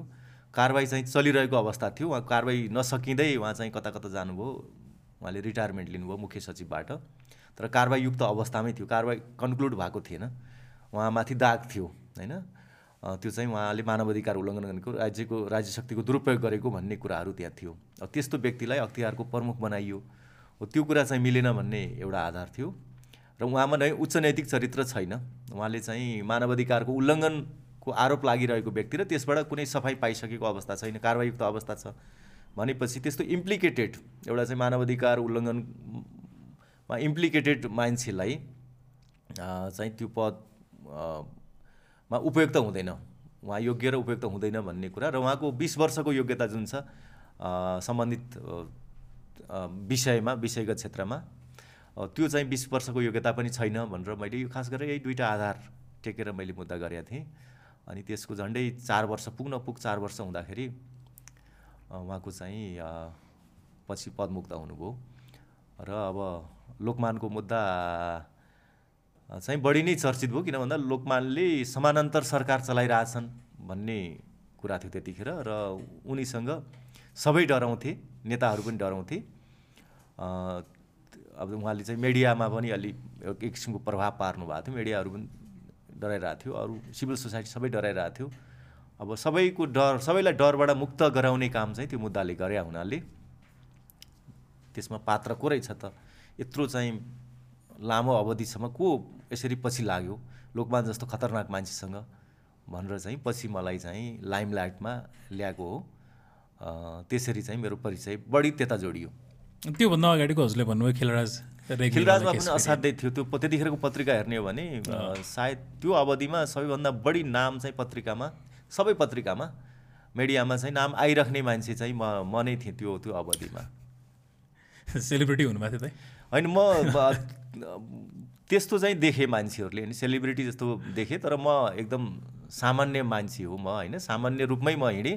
तर चाहिँ अब जसले मलाई नजिकबाट देखेनन् उनीहरूले चाहिँ ओम प्रकाश अर्याल भने त अलि बेग्लै खालको मान्छे होला भनेर धेरैलाई भ्रम रहेछ। तर जसले मलाई भेट्थे होइन यो मान्छे त सामान्य मान्छे रहेछ भनेर त्यसरी चाहिँ पछि मात्रै उहाँहरूको जुन भ्रम चाहिँ त्यसरी तोडिन्थ्यो। धेरैले चाहिँ एकदमै यो चाहिँ मिडियामा आइराख्ने फेरि एकदम अब क्रिटिकल केसहरू भए अब यस्तो केसमा यो कसरी यो मान्छे टिक्यो भनेर धेरैलाई जिज्ञासा हुँदो रहेछ। त्यो टाढाबाट चिन्ने मान्छेले चाहिँ अलि बेग्लै रूपमा एउटा आइकनको रूपमा चिनिया हुँदो रहेछ जस्तो लाग्यो त्यतिखेर मलाई। दाईलाई ती लयरहरूको लेजेन्ड किलर त भन्दैन मार्केटमा। के भन्छन् दाई? ठुल्ठुलो अलि- हेभी वेटहरूलाई ढाल्ने काम दाईले मुद्दा हालेर गर्नुहुन्छ। त्यो चाहिँ पनि छ भनौँ। हजुर होइन त्यो अब यो सर्फेसमा आएका यिनीहरू हुन्। मैले मेरो सायद खै केही संयोग चाहिँ छ होला। मैले धेरैवटा यस्तोमा चाहिँ मैले मेरो हातबाट गरेको काममा धेरैको पद गएको छ त्यो मैले अहिले मैले भन्दिनँ। धेरैको त्यस्तो भएको छ। तर होइन व्यक्तिगत रूपमा फेरि हजुरलाई चिन्ने मान्छेले अघि हजुरले भने जस्तो हजुर साधारण मान्छे हो। मैले पनि हजुरलाई जति व्यक्तिगत रूपमा चिनेको छु मैले एकदम सरल साधारण पाउँछु।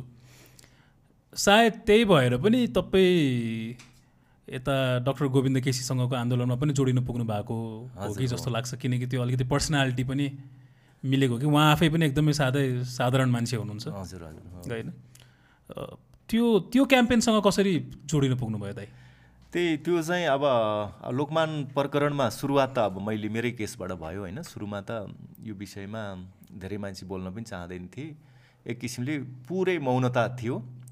मेरो केस चलिरहेको थियो होइन। सुरुमा त स्टेडर भएर रोकिया पनि हो उहाँको। पछि फेरि स्टेडर चाहिँ फेरि चाहिँ त्यो निष्क्रिय भएर त्यसपछि त्यही निष्क्रिय भएको बेलामा दोस्रो नियु उहाँलाई नियुक्ति गरियो र दोस्रो मुद्दाबाट फेरि अगाडि बढ्या हो। अब सुरुको चरणमा मलाई लाग्छ सुरुको धेरै लामो सायद एक वर्ष डेढ वर्ष दुई वर्ष नै होला सायद सम्म चाहिँ खासै यसमा धेरै चाहिँ क्षेत्रहरू जोडिन पाएनन्। नागरिक समाजलाई पनि एउटा डरै भयो नागरिक समाजका अगुवाहरूमाथि पनि यसले केही गरिहाल्छ कि प्रतिशोध लिन्छ कि भनेर सुरुमा चुप लाग्ने जस्तो थियो मानवाधिकार कर्मीहरू। अब लयरहरूमा पनि अब सुरुमा उत्साहित हुनुहुन्थ्यो स्टेडर हुँदाखेरि तर जब स्टेडर फेरि खारेज भयो फेरि नियुक्ति भयो त्यसपछि चाहिँ फेरि बिस्तारै चाहिँ चुप लाग्न थाले जस्तो। किनभने लोकमान अब पावरमा अलि गइसकेपछिको अवस्थामा अ, अलि चुप लागे जस्तो। कहिले एक्लै पनि परियो भनौँ न। लामो समय चाहिँ एक्लै। म लयरको रूपमा प्राय एक्लै तर चाहिँ अब मिडियामा फेरि यङ साथीहरू जो मिडिया कर्मीहरू हुनुहुन्छ उहाँहरू त फेरि उहाँहरू निडरै हुनुहुन्थ्यो। मलाई उहाँहरूलाई चाहिँ एक्नोलेजै गर्नुपर्ने हुन्छ मैले।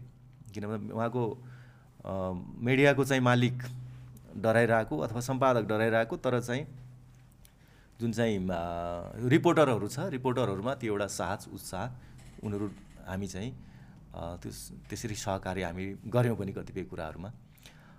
त्यसरी चाहिँ यो गोर्या हो। अब यसमा अब यो चाहिँ कतिपय कुराहरू त्यो परिआउँछ अब परिआउँछ होइन। अब मैले नगरे भए पनि सायद अरूले गर्थ्यो होला जस्तो लाग्छ मलाई होइन। त्यत्तिकै त्यो कुरा यत्तिकै जान्थ्यो जस्तो त मलाई लाग्दैन। तर मैले गरेपछि मैले केहीमा पनि कम्प्रोमाइज गरिनँ। अब अरूले गरे भए अब त्यो कति सस्टेन गर्थ्यो गर्दैन थियो। मान्छेहरू आफ्नो इन्टिग्रिटीमा कति चाहिँ निष्ठामा कति उभिन्थे साहस कति प्रकट गर्थे गर्दैन थियो त्यो धैर्यता हुन्थ्यो हुँदैन थियो होइन? बिचैमा पो छोड्थे कि कतिपय मुद्दाहरू पिआइएलहरू हालेर बिचैमा छोड्ने पनि हुन्छ। तर मैले चाहिँ त्यसलाई मैले राम्रोसँग क्यारी अन गरे हो त्यतिखेर। मैले अरू कुराहरूमा कम्प्रोमाइज गरेँ त्यही मुद्दाले नै सँगै ल्यायो डक्टर केसीसँग अब त्यसपछि चाहिँ यता मेरो यो स्ट्रगल चलिरहेको थियो यता कानुन क्षेत्रबाट।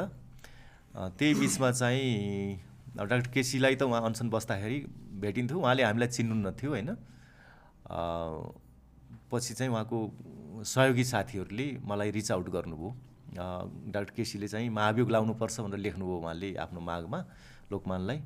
अनि महाभियोगको के हो त विषय? महाभियोगको बारेमा धेरै जानकार हुनुहुन्न थियो उहाँ त्यतिखेर। महाभियोग लेख्नु त लेख्नुभयो तर चाहिँ कसरी लाग्छ यो के छ आधार भन्ने कुरा उहाँलाई त्यति जानकारी थिएन। अनि मैले ब्रिफिङ गरिसकेपछि त्यसपछि चाहिँ बिस्तारै अब हाम्रो सम्बन्ध त्यो तहको सम्बन्ध अर्को चरणमा पुग्यो। सुरुमा उहाँले अब उहाँलाई भेट्न जाँदा ओर्दा उहाँले चिन्नुहुन्थ्यो पछि चाहिँ अब हाम्रो अब कार्यगत एउटा चाहिँ हिसाबले नै सम्बन्ध भयो। त्यसपछि त हामीहरू निरन्तर जोड्यौँ। डाक्टर केसीले सत्याग्रह गर्न थाल्नु भयो कति वर्ष भयो दाइ धेरै भयो नि भयो मलाई लाग्छ उहाँले उनसत्तरी साल अडसट्ठी या उनसत्तरी उन्स अडसट्ठी हुनुपर्छ किन भन्दाखेरि उहाँको बाबुराम भट्टराईको पालादेखि हो उहाँले गरे अडसट्ठी नै हुनुपर्छ। उहाँको लडाइँ त अझ सकिया छैन। लडाइँ त सकिँदैन कसैको पनि सकिँदैन। लडाइँ सकिने कुरै हुँदैन। लडाइँ त यो निरन्तरै हो।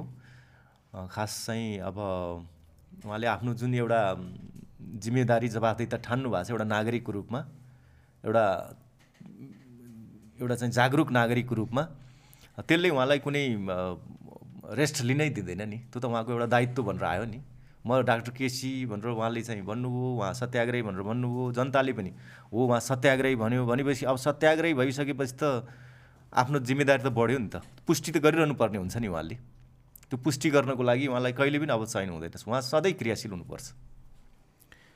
कतिवटा सम्झौता भए सरकारसँग दाइ अहिलेसम्म आएर यो बिसौँ होला सायद बिसौँवटा भइसक्यो। बिसवटा सम्झौता भइसक्यो। बिसौँ चरणको अनसन गर्नुभयो उहाँले। भयो भन्दाखेरि त बिसौमा त अनेकौँ सबै सबैमा सम्झौता भएको छैनन् होला। उहाँले अनसन गरेको चाहिँ बिसचोटि भइसक्यो। सम्झौता पनि त धेरै नै भयो नि अन्त सम्झौतामा सम्झौता पनि फेरि एक बुदावाला सम्झौता छैन यसमा त धेरै बुदा धेरैवटा छन् हजुर हो।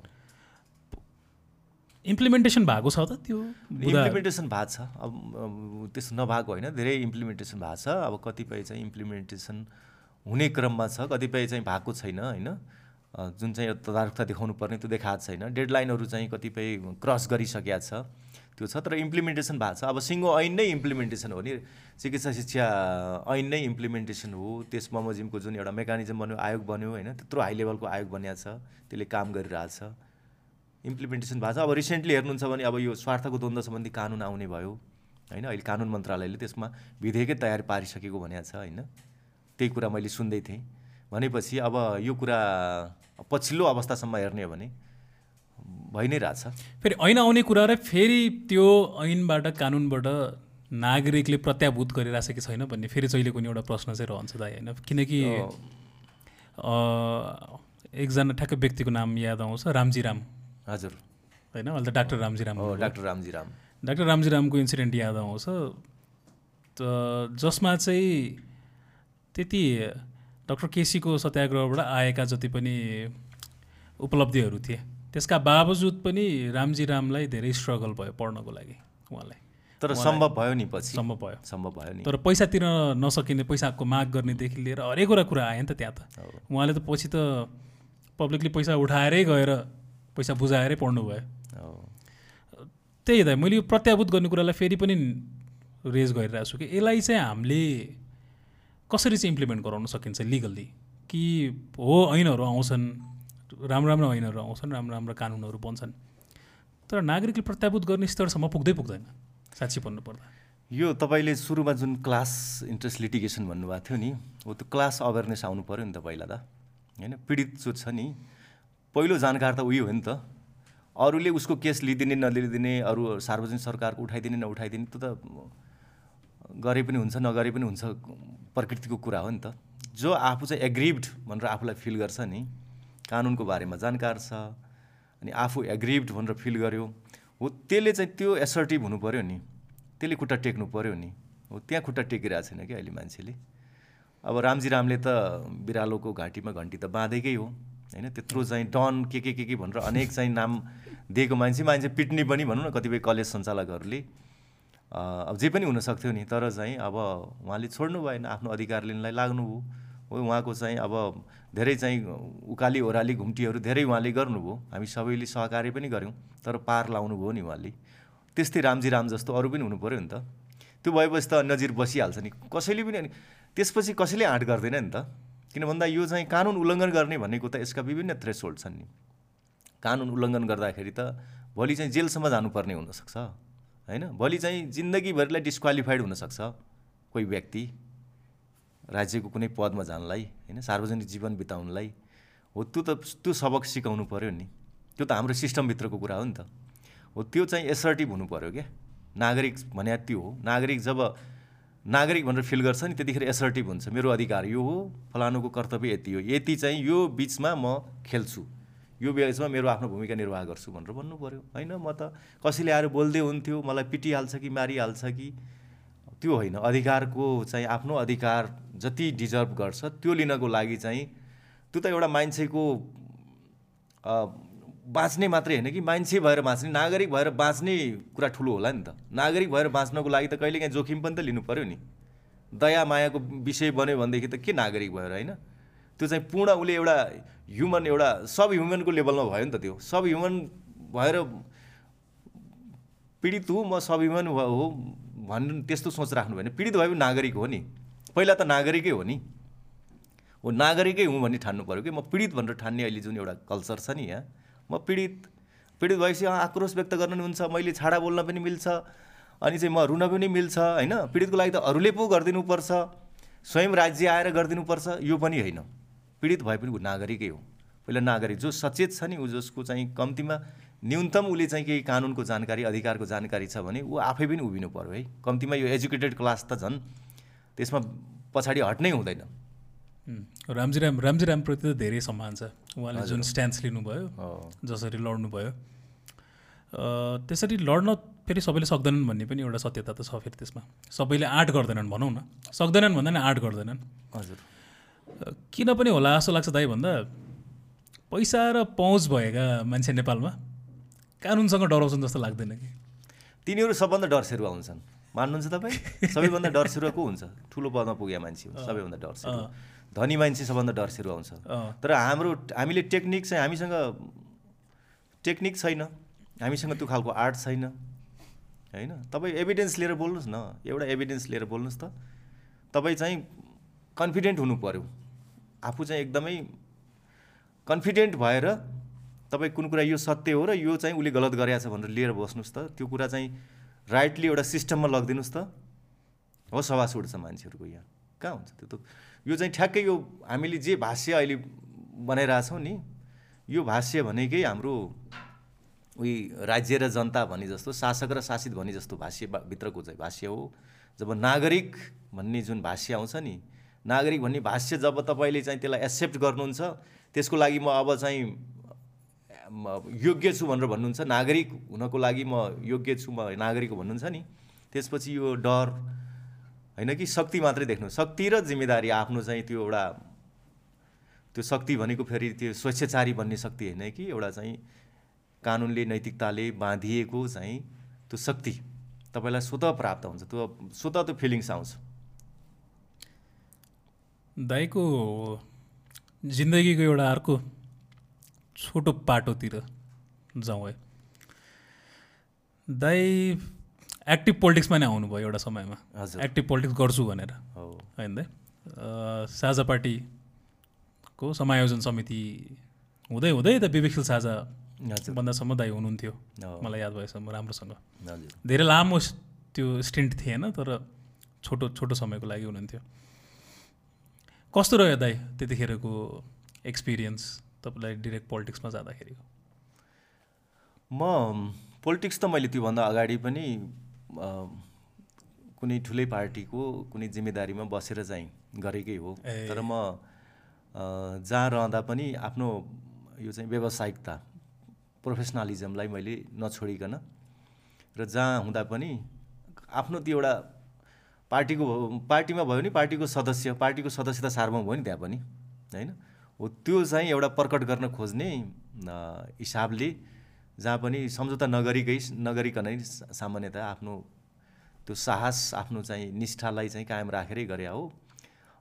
त्यही क्रममा चाहिँ फेरि अब यही अलि चर्चा परिचर्चाको अवस्था आयो लोकमान सोकमान यस्तोले अनि त्यो क्रममा अब रविन्द्र मिश्र उहाँले पार्टी गठन गर्ने बिबिसीमै हुनुहुन्थ्यो उहाँले। उहाँ राजीनामा दिएर पार्टी गठन गर्ने क्रममा हुनुहुन्थ्यो।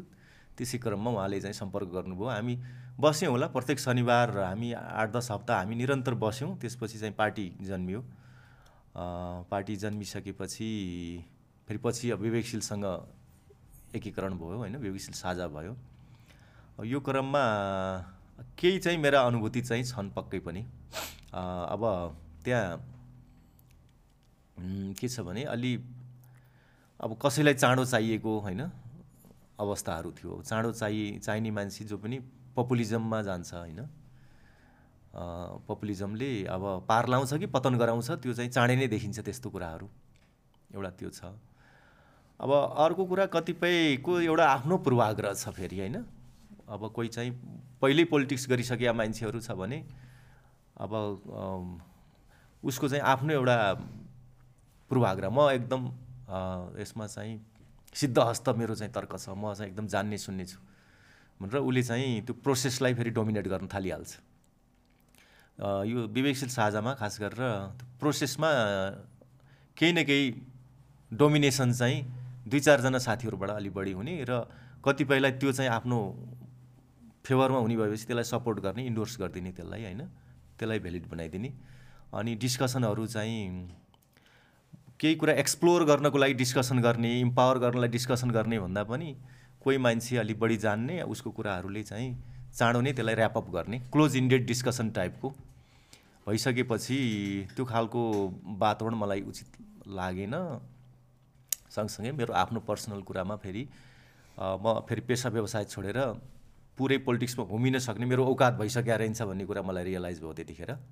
त्यसपछि मैले म पचहत्तर सालको पुसमा मैले राजीनामा दिएर निष्क्रिय हुँदै फेरि राजीनामा दिएर म चाहिँ बाहिर आएको हो। तर पोलिटिक्सलाई नजिकबाट हेरिराखिया हुन्छ अहिले अहिले पनि पोलिटिक्समा भएका मान्छेहरू जो लाइक माइन्डेड छन् सानोदेखि ठुलो त ओदासम्मका मान्छेहरू सम्पर्कमै हुनुहुन्छ। उहाँहरूसँग मैले आफ्नो फिल्डबाट कानुनी क्षेत्रबाट मैले जानेको कुराहरू सेयर गर्ने। उहाँहरूबाट पनि केही कुराहरू सिक्ने त्यो भइरहेको हुन्छ। खास यो कुनै पनि समय पोलिटिक्समा इम्बार्क गरियो भने पनि आफूलाई चाहिँ त्यो अपडेट भइराख्ने कुराहरू त्यो फिलिङ्सहरू चाहिँ कायम राख्ने कुराहरू त्यो चाहिँ अहिले पनि छ मेरो।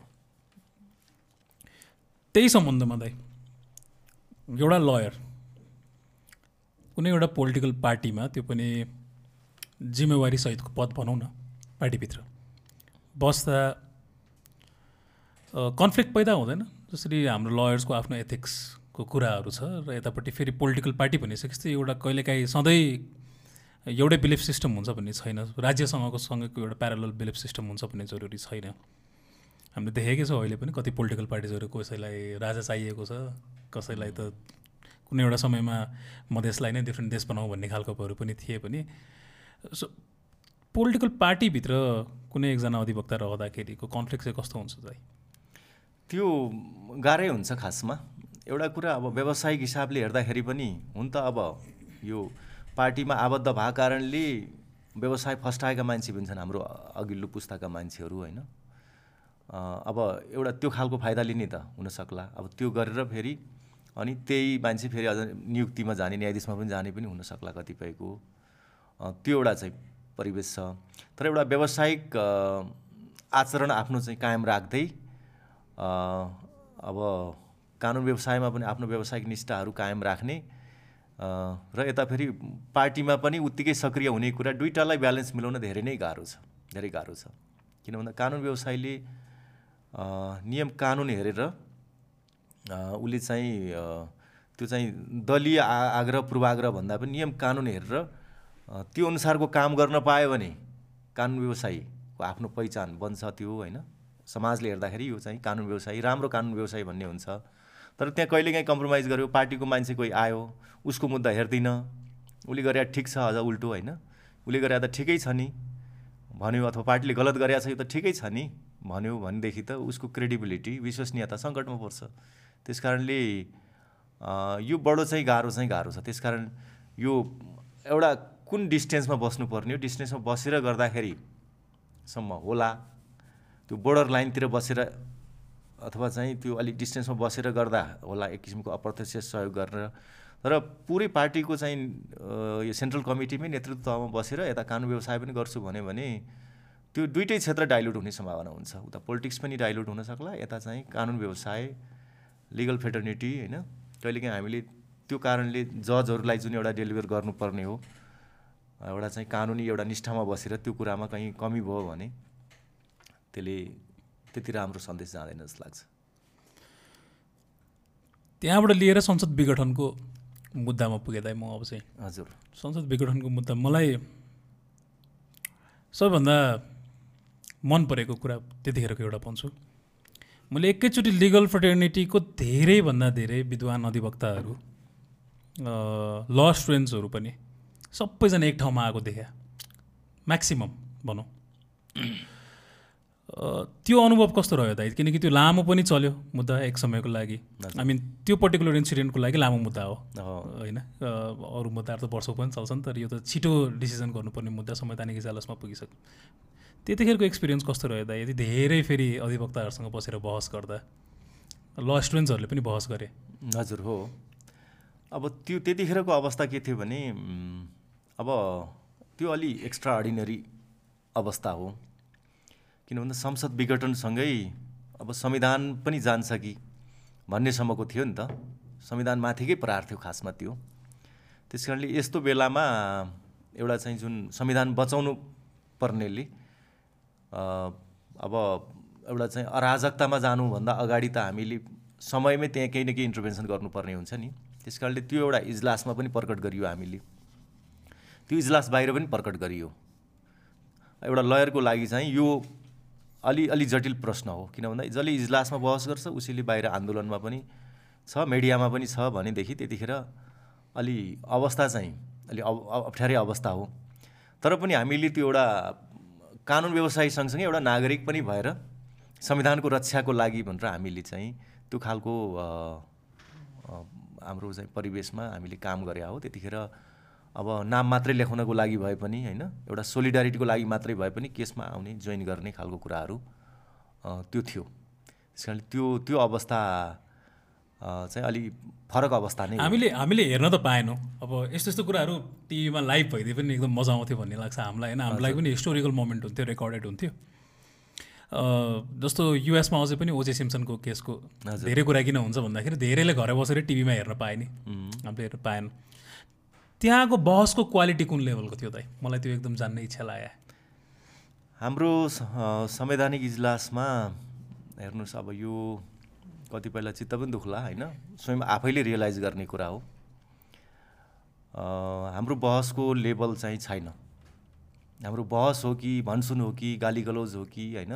भाषण हो कि अब त्यो चाहिँ हाम्रो टुङ्गो नै हुँदैन हाम्रो अदालतको बहसहरू। त्यो पनि अझ यो खालको राजनीतिक महत्त्वका संवैधानिक प्रश्नहरूमा जब बहसहरू हुन्छन्।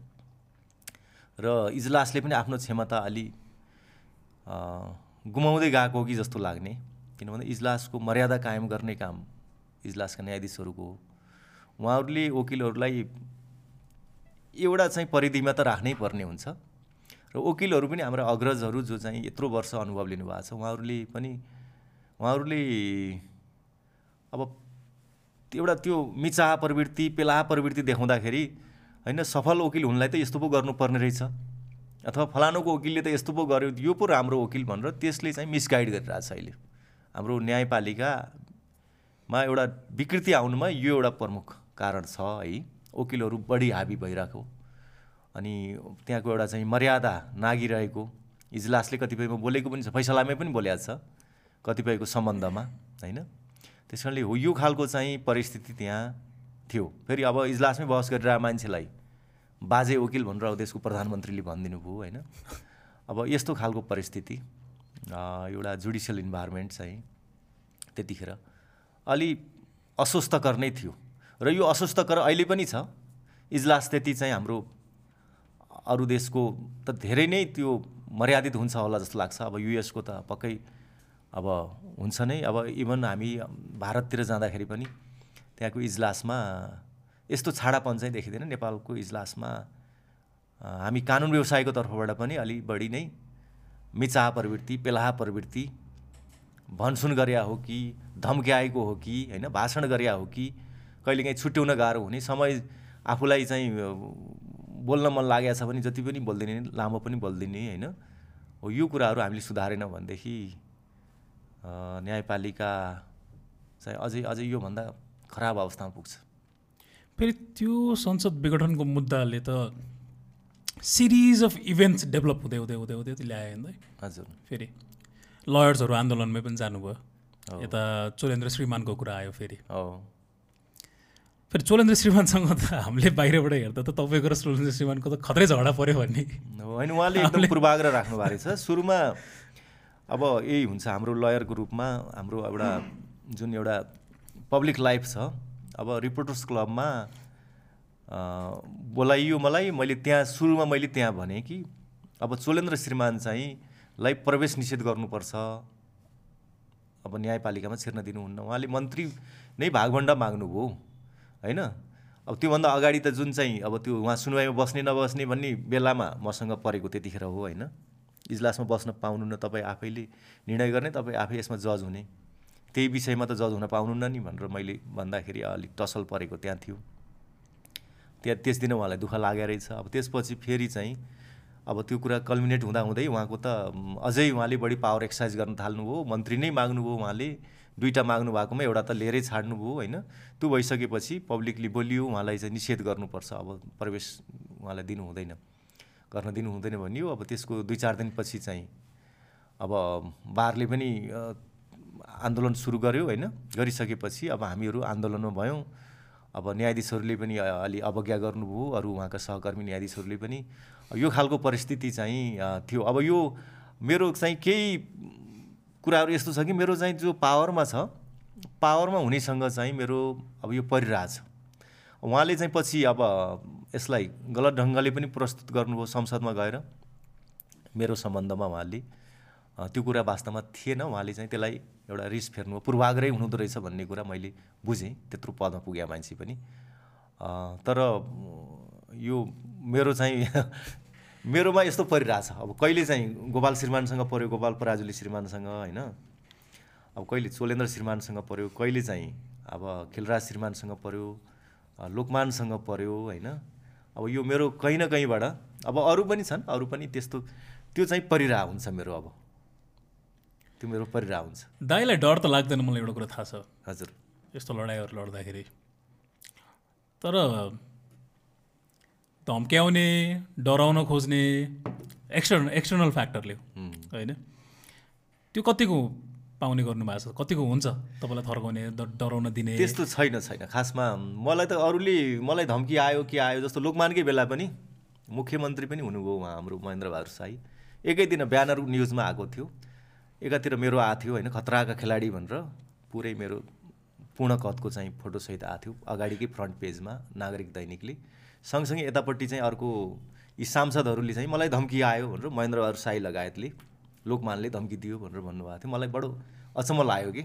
म एउटा सामान्य एउटा फुटपाथमा हिँड्ने वकिलले त्यत्रो मुद्दा गरिरहेको छु त्यति अगाडिदेखि मुद्दा गरिरहेको छु मेरो कारणले गर्दा अब ऊ लोकमानको चाहिँ पदै धरापमा छ अरू त कुनै कारण थिएन होइन? अब उनीहरूले चाहिँ त्यो लास्टमा आएर चाहिँ जुन एउटा महाभियोगको चाहिँ उसमा हस्ताक्षर गरेका कारणले हामीलाई त धम्की आयो लो भनेर उहाँहरूले भन्नुभयो होइन? मलाई चाहिँ त्यो अचम्म लाग्यो कि एउटा सांसद त्यही पनि त्यत्रो अब उहाँहरू त जन जनयुद्ध गरेर आएको मान्छे अब पछि त मुख्यमन्त्री हुनुभयो मन्त्री पनि भइसक्यो मान्छेमा पहिला सङ्घीय मन्त्री पनि। मैले चाहिँ यो कुरा त्यतिखेरको अवस्थामा मैले यिनीहरूले सत्य बोले कि झुटो बोले भन्ने कुरा म आफै कन्फ्युज भएको थिएँ। त्यस कारणले मैले एउटा ड्यु प्रोसेसमा जानुहुन्छ र एउटा एउटा मर्यादाभित्र बस्नुहुन्छ भने नेपालमा त्यस्तो चाहिँ नेपालमा खास गरेर अब अब कतिपय कन्टेक्स्टमा त होला तर लयरको ज्यानै जोखिममा हुने अवस्थाहरू चाहिँ कमै होला जस्तो लाग्छ मलाई। अब मर्यादामा आँचाउने खालका कुराहरू कसैले चरित्र हत्या गर्ला के गर्ला आफूले नै कमजोरी गरेर रहेछ भने त चरित्र हत्या गरिदिन सक्छ होइन? त्यसलाई बाहिर ल्याइदिन सक्छ। तर आफूले केही कमी कमजोरी गरेका छैन भने जिउ ज्यानमै जोखिम पर्ने अवस्था यो दक्षिण एसियाका अरू देशहरूमा जस्तो त्यो चाहिँ अलिक कमै होला जस्तो लाग्छ मलाई।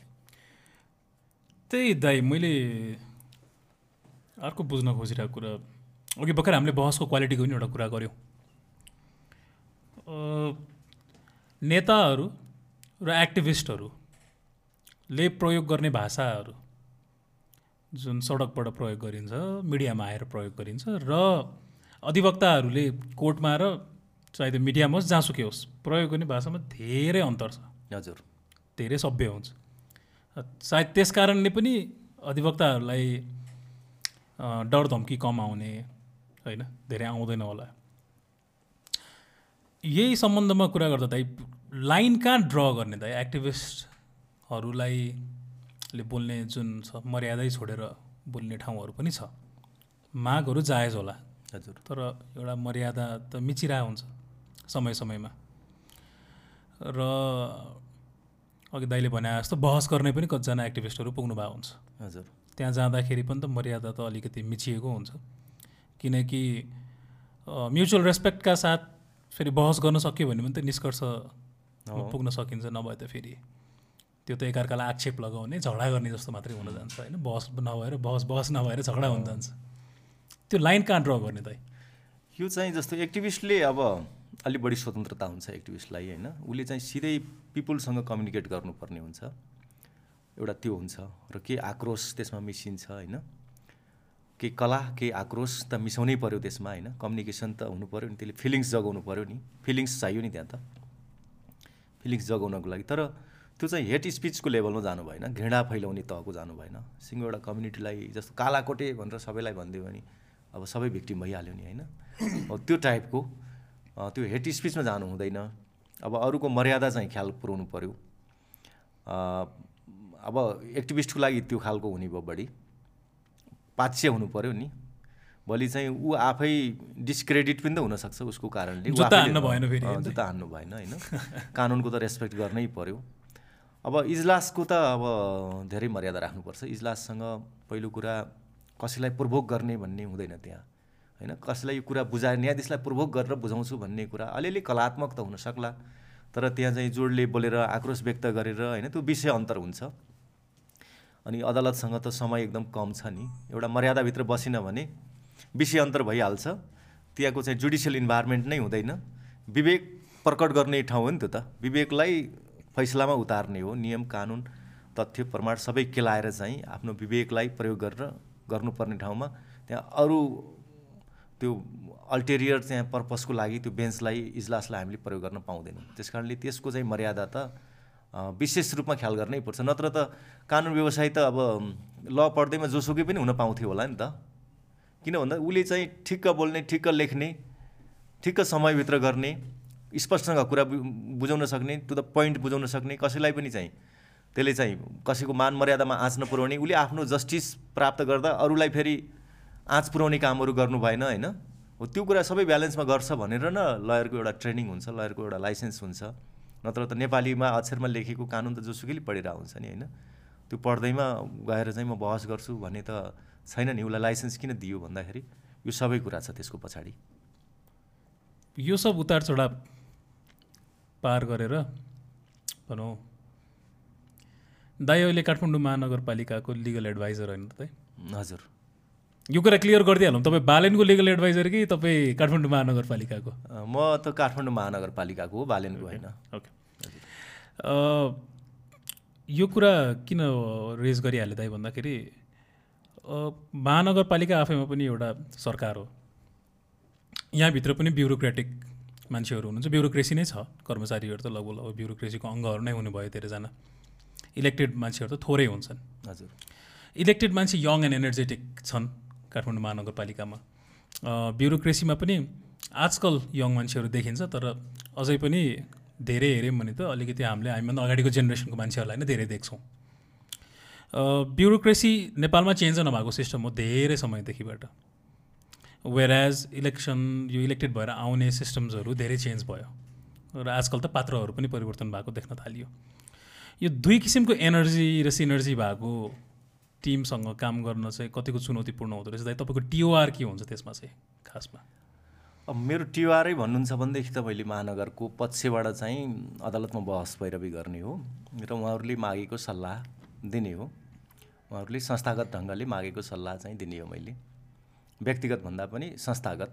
अब व्यक्तिगत हो भने त त्यसको अर्कै कन्टेक्स्ट होला। कहिलेकाहीँ चाहिँ अब अरू कारणले कहीँ राजनीतिक निकटता छ भने होइन अब जनप्रतिनिधिहरू त राजनीतिक पनि हुन्छन् हुनु- हुनुहुन्छ उहाँहरूको। अरू कुनै एउटा सोसियल कन्टेक्स्ट होला अरू के होला अब त्यो टाइपको एउटा हुन्छ। नत्र अब संस्थागत रूपमा महानगरपालिकाले जे चाहिँ मसँग परामर्श माग्छ कानुनी परामर्श त्यो परामर्श दिने र उहाँको महानगरको तर्फबाट संस्थागत ढङ्गले मुद्दा हेरिदिने हो।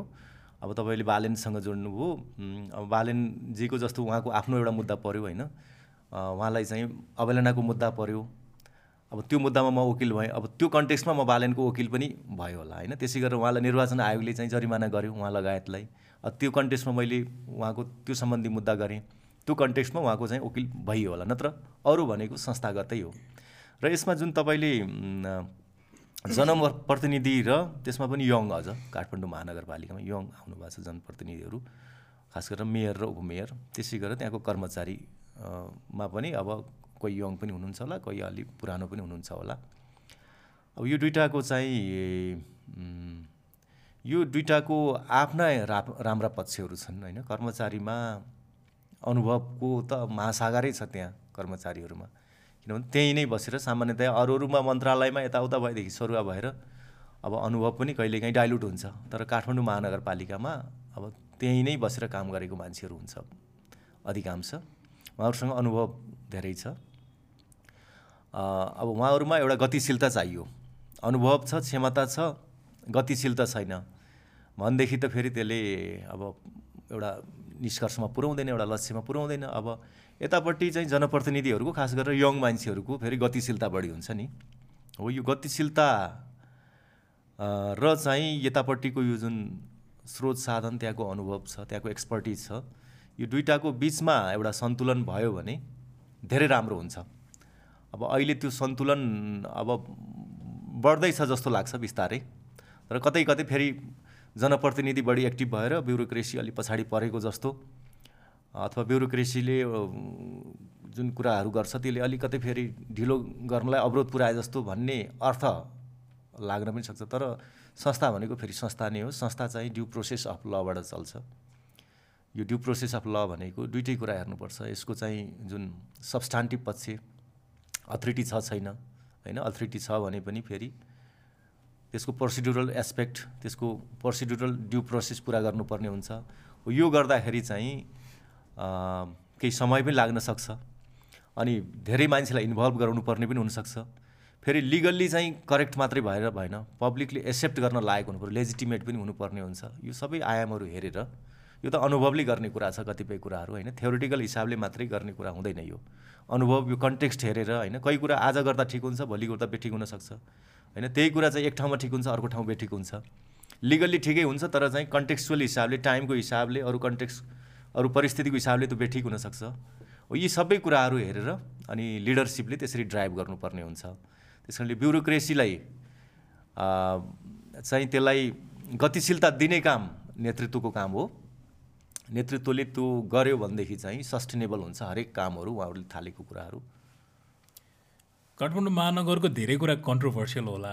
हजुर। तर लिगल एडभाइजर राख्ने डिसिजन चाहिँ मलाई चाहिँ एकदम मन पर्यो होइन म लगायत अरू पनि छौ नि अरू चारजना पनि हुनुहुन्छ। तपाईँलाई तपाईँलाई पर्टिकुलर राख्नुभयो भनेर भने होइन। हजुर। किनकि हाम्रो जनप्रतिनिधिहरूमा सचिवालयमा गइयो भने उहाँहरूलाई सोधियो भने पनि उहाँहरूसँग युजली लिगल एडभाइजर हुँदैन। यो स्थानीय निकायको मात्रै कुरा गरेको होइन संसदीय व्यवस्थामा रहनुभएका सांसदहरूको पनि कुरा गर्दा उहाँहरूलाई यहाँसम्म थाहा हुँदैन कि संसदभित्रको प्राइभेट बिल्सहरू कसरी लिएर गइन्छ होइन? संशोधन कसरी हालिन्छ? साना साना कुराहरू जुन चाहिँ उहाँहरूलाई थाहा हुनुपर्ने हो। त्यही भएर त्यस कारणले पनि मैले भने काठमाडौँ महानगरले यो लिगल एडभाइजर छु र अझ धेरै राख्नु भने त झन् राम्रो। अब बेला भएन दाइ ल मेकर्स भनेर भन्छौँ हामीले हाम्रा जनप्रतिनिधिहरूलाई। ल मेकर्सहरूलाई पनि बेसिक नलेज अफ ल हुनुपर्छ यो पनि एउटा क्वालिफायर हो है। अथवा सचिवालयभित्र तिमीसँग लिगल एडभाइजर हुनैपर्छ बरु त्यसका लागि बरु चाहिन्छ भने परेको खण्डमा बजेट निष्कासन गर्ने कि के गर्ने कस्तो सुविधा दिने। त्यो एउटा भयो। यो हाई टाइम भएन त यो कुराको लागि। एकदम। यो रिसेन्टली पनि यो कुरा चलेको थियो एकजना सांसद ज्यूसँग बस्दाखेरि। हरेक सांसदको आफ्नो सचिवालय हुनुपर्छ। र अब त्यहाँ ठिक छ स्रोत साधन दियो सरकारले दियो भनेदेखि त राम्रै भइहाल्यो होइन स्टेटको फन्डबाट। भएन भने पनि एउटा कम्तीमा एउटा सचिवालय जस्तो भयो भने त्यसले कसैसँग एमओयु गरेर भलुन्टियरली पनि त सहयोग गर्न सक्छ नि। अथवा कहीँबाट डोनेसन लिएर पनि गर्न सक्छ नि। डोनेसन त लिनै नहुने भन्ने कुरा त छैन। भनेपछि त्यो चाहिँ त्यहाँको रिसर्च गर्नको लागि चाहिँ त्यसलाई एउटा सपोर्ट गर्नको त्यो सचिवालयलाई त्यसको त्यसको क्यापासिटी बिल्डअप गर्नको लागि चाहिँ त्यो हाम्रो संसदको नियमावलीमै त्यो कुरा राखेर हरेक सांसदको चाहिँ एउटा सचिवालय हुने एउटा चाहिँ स्वकीय सचिव दिएको हुन्छ लेटर प्याड पनि प्रयोग गर्नुहुन्छ। भनेपछि उहाँहरूको एउटा चाहिँ सचिवालय जस्तै हुनु पऱ्यो नि त। सांसदले नै पत्रचार गर्नु नपरोस्। कुनै डकुमेन्ट चाहियो त्यो सचिवालयको अथवा उहाँको जो सचिव हो सचिव सचिवालयको सचिव उसले नै माग्न सकोस् न। सांसदहरूले हेर्नु न अब कसरी सूचना भनसुन मात्रै गरेर कहीँ टेलिफोन गरेर लिएको सूचनाको आधारमा बोल्ने कुरा त भएन नि। अथवा यो पठाइदेऊ भनेर चाहिँ यत्तिकै भन्ने कुरा पनि भएन नि। कसैले पठाउला कसैले नपठाउला पत्रचारै गर्न पाउनु पऱ्यो नि त्यहाँबाट। हो यो खालको चाहिँ एउटा सचिवालय हुनुपर्छ। त्यो भइसकेपछि उहाँहरूले आफ्नो के के हो त? पहिला आफ्नो कार्यक्षेत्र कति हो? दोस्रो कुरा आफ्नो पोटेन्सियल कति हो? अथवा आफूले चाहिँ आफ्नो पोटेन्सियल बढाउनु पर्ने कुरा के हो त? किनभने ऊ त भविष्यको एउटा मन्त्री हो भविष्यको प्रधानमन्त्री हो नि त। अब हाम्रा सपना त ऊ मार्फतै पुरा गर्ने हो। कानुनको प्रक्रिया मार्फत कानुन मार्फतै हामीले चाहिँ पुरा गर्ने भनेपछि अब सांसदहरू जनप्रतिनिधिहरू त कानुनी हिसाबले एकदम उहाँहरू लिटरेट मात्रै नभएर अलि चाहिँ बढी सक्षम नै हुनुपर्छ उहाँहरू र कानुनको प्रयोग गर्ने कानुन परिवर्तन गर्नेसम्मको उहाँहरूको क्षमता को लागि त उहाँहरूलाई यो सम्बन्धी धेरै नै नुहाउ हुनुपर्छ। त्यसको ब्याकअप धेरै नै हुनुपर्छ जस्तो लाग्छ। कानुन के रहेछ त दाइ? साइन्स रहेछ कि आर्ट रहेछ त? कानुन वास्तवमा अब ल साइन्स पनि हो होइन? किन भन्दा लले गर्दाखेरि अब पोलिटिकल साइन्स भन्छौँ भने अब लिगल साइन्स भन्नलाई केही अप्ठ्यारो छैन। किन ल भएन भने अब यहाँ चाहिँ सबै कुराको डिसअर्डर भइहाल्छ। त्यस कारणले यही लले गर्दा यसलाई चाहिँ हामीले कम्तीमा एक ठाउँ हाम्रो सिस्टमहरू बचाएको अहिले यही लले नै हो है? अब दुइटा दोस्रो कुरा चाहिँ अब फेरि साइन्स मात्रै भन्यो भने अलि यान्त्रिक हिसाबले सोध्छौँ होइन? यो आर्ट पनि हो किन भन्दा कानुन कठोर हुन्छ होइन? त्यो कठोरतालाई हामीले कठोरै रूपमा हामीले बोल्यौँ भनेदेखि फेरि त्यो कानुनमाथि पनि फेरि रिटालिएसन आउँछ। त्यस कारणले कानुन प्रकट गर्दाखेरि होइन? कुनै अथोरिटी बोल्यो भने त्यो कानुनै बोल्या हो खासमा। उसले त्यसरी बुझ्नु पऱ्यो र त्यसमा चाहिँ केही न केही एउटा आर्ट चाहिँ चाहिन्छ नै। कानुन हो त्यस कारणले म सिधै गर्छु भन्दा पनि त्यसमा केही न केही आर्ट भयो भनेदेखि त्यसको एक्सेप्टेबिलिटी बढ्छ। होइन त्यसलाई मान्छेले ग्रहण गर्ने ग्रहणशीलता त्यसको बढ्छ। त्यस कारणले यसलाई कन्टेक्स्टलाई एउटा काबुमा राख्नको लागि चाहिँ त्यो चाहिँ आर्ट चाहिन्छ। त्यस कारणले यसलाई साइन्स र आर्ट दुइटैको एउटा चाहिँ सम्मिश्रणै बुझौँ कानुनलाई। यो आर्ट क्राफ्ट दाईको अझै फलोस् फुलोस् दाईले समय दिनुभयो आज यहाँ आइदिनु भयो थ्याङ्क यू सो मच दाई। हामीले गरे जमर्कोमा दाईको सपोर्ट पाएकोमा हामी चाहिँ एकदमै धेरै खुसी छौँ। छैन यहाँलाई पनि धेरै धन्यवाद। यो खालको प्लेटफर्म जो बनाउनु भयो आलोकले अनि चाहिँ यो खाल यसमा मलाई पनि समावेश गर्नुभयो।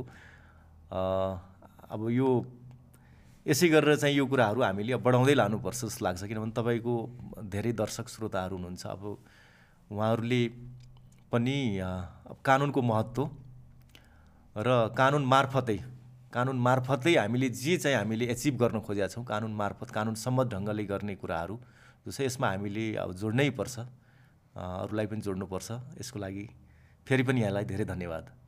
थ्याङ्क यू सो मच दाई। फेरि पनि दाईलाई यो बाटो खुला छ भनेर चाहिँ म स्योर भन्न चाहेँ। कुनै पनि बेला यो गफ गरौँ न त आज यो विषयमा भन्नु दाई। हुन्छ। फेरि बसौँला हामीहरू। स्योर स्योर हस् थ्याङ्क यू सो मच दाई हस् धन्यवाद।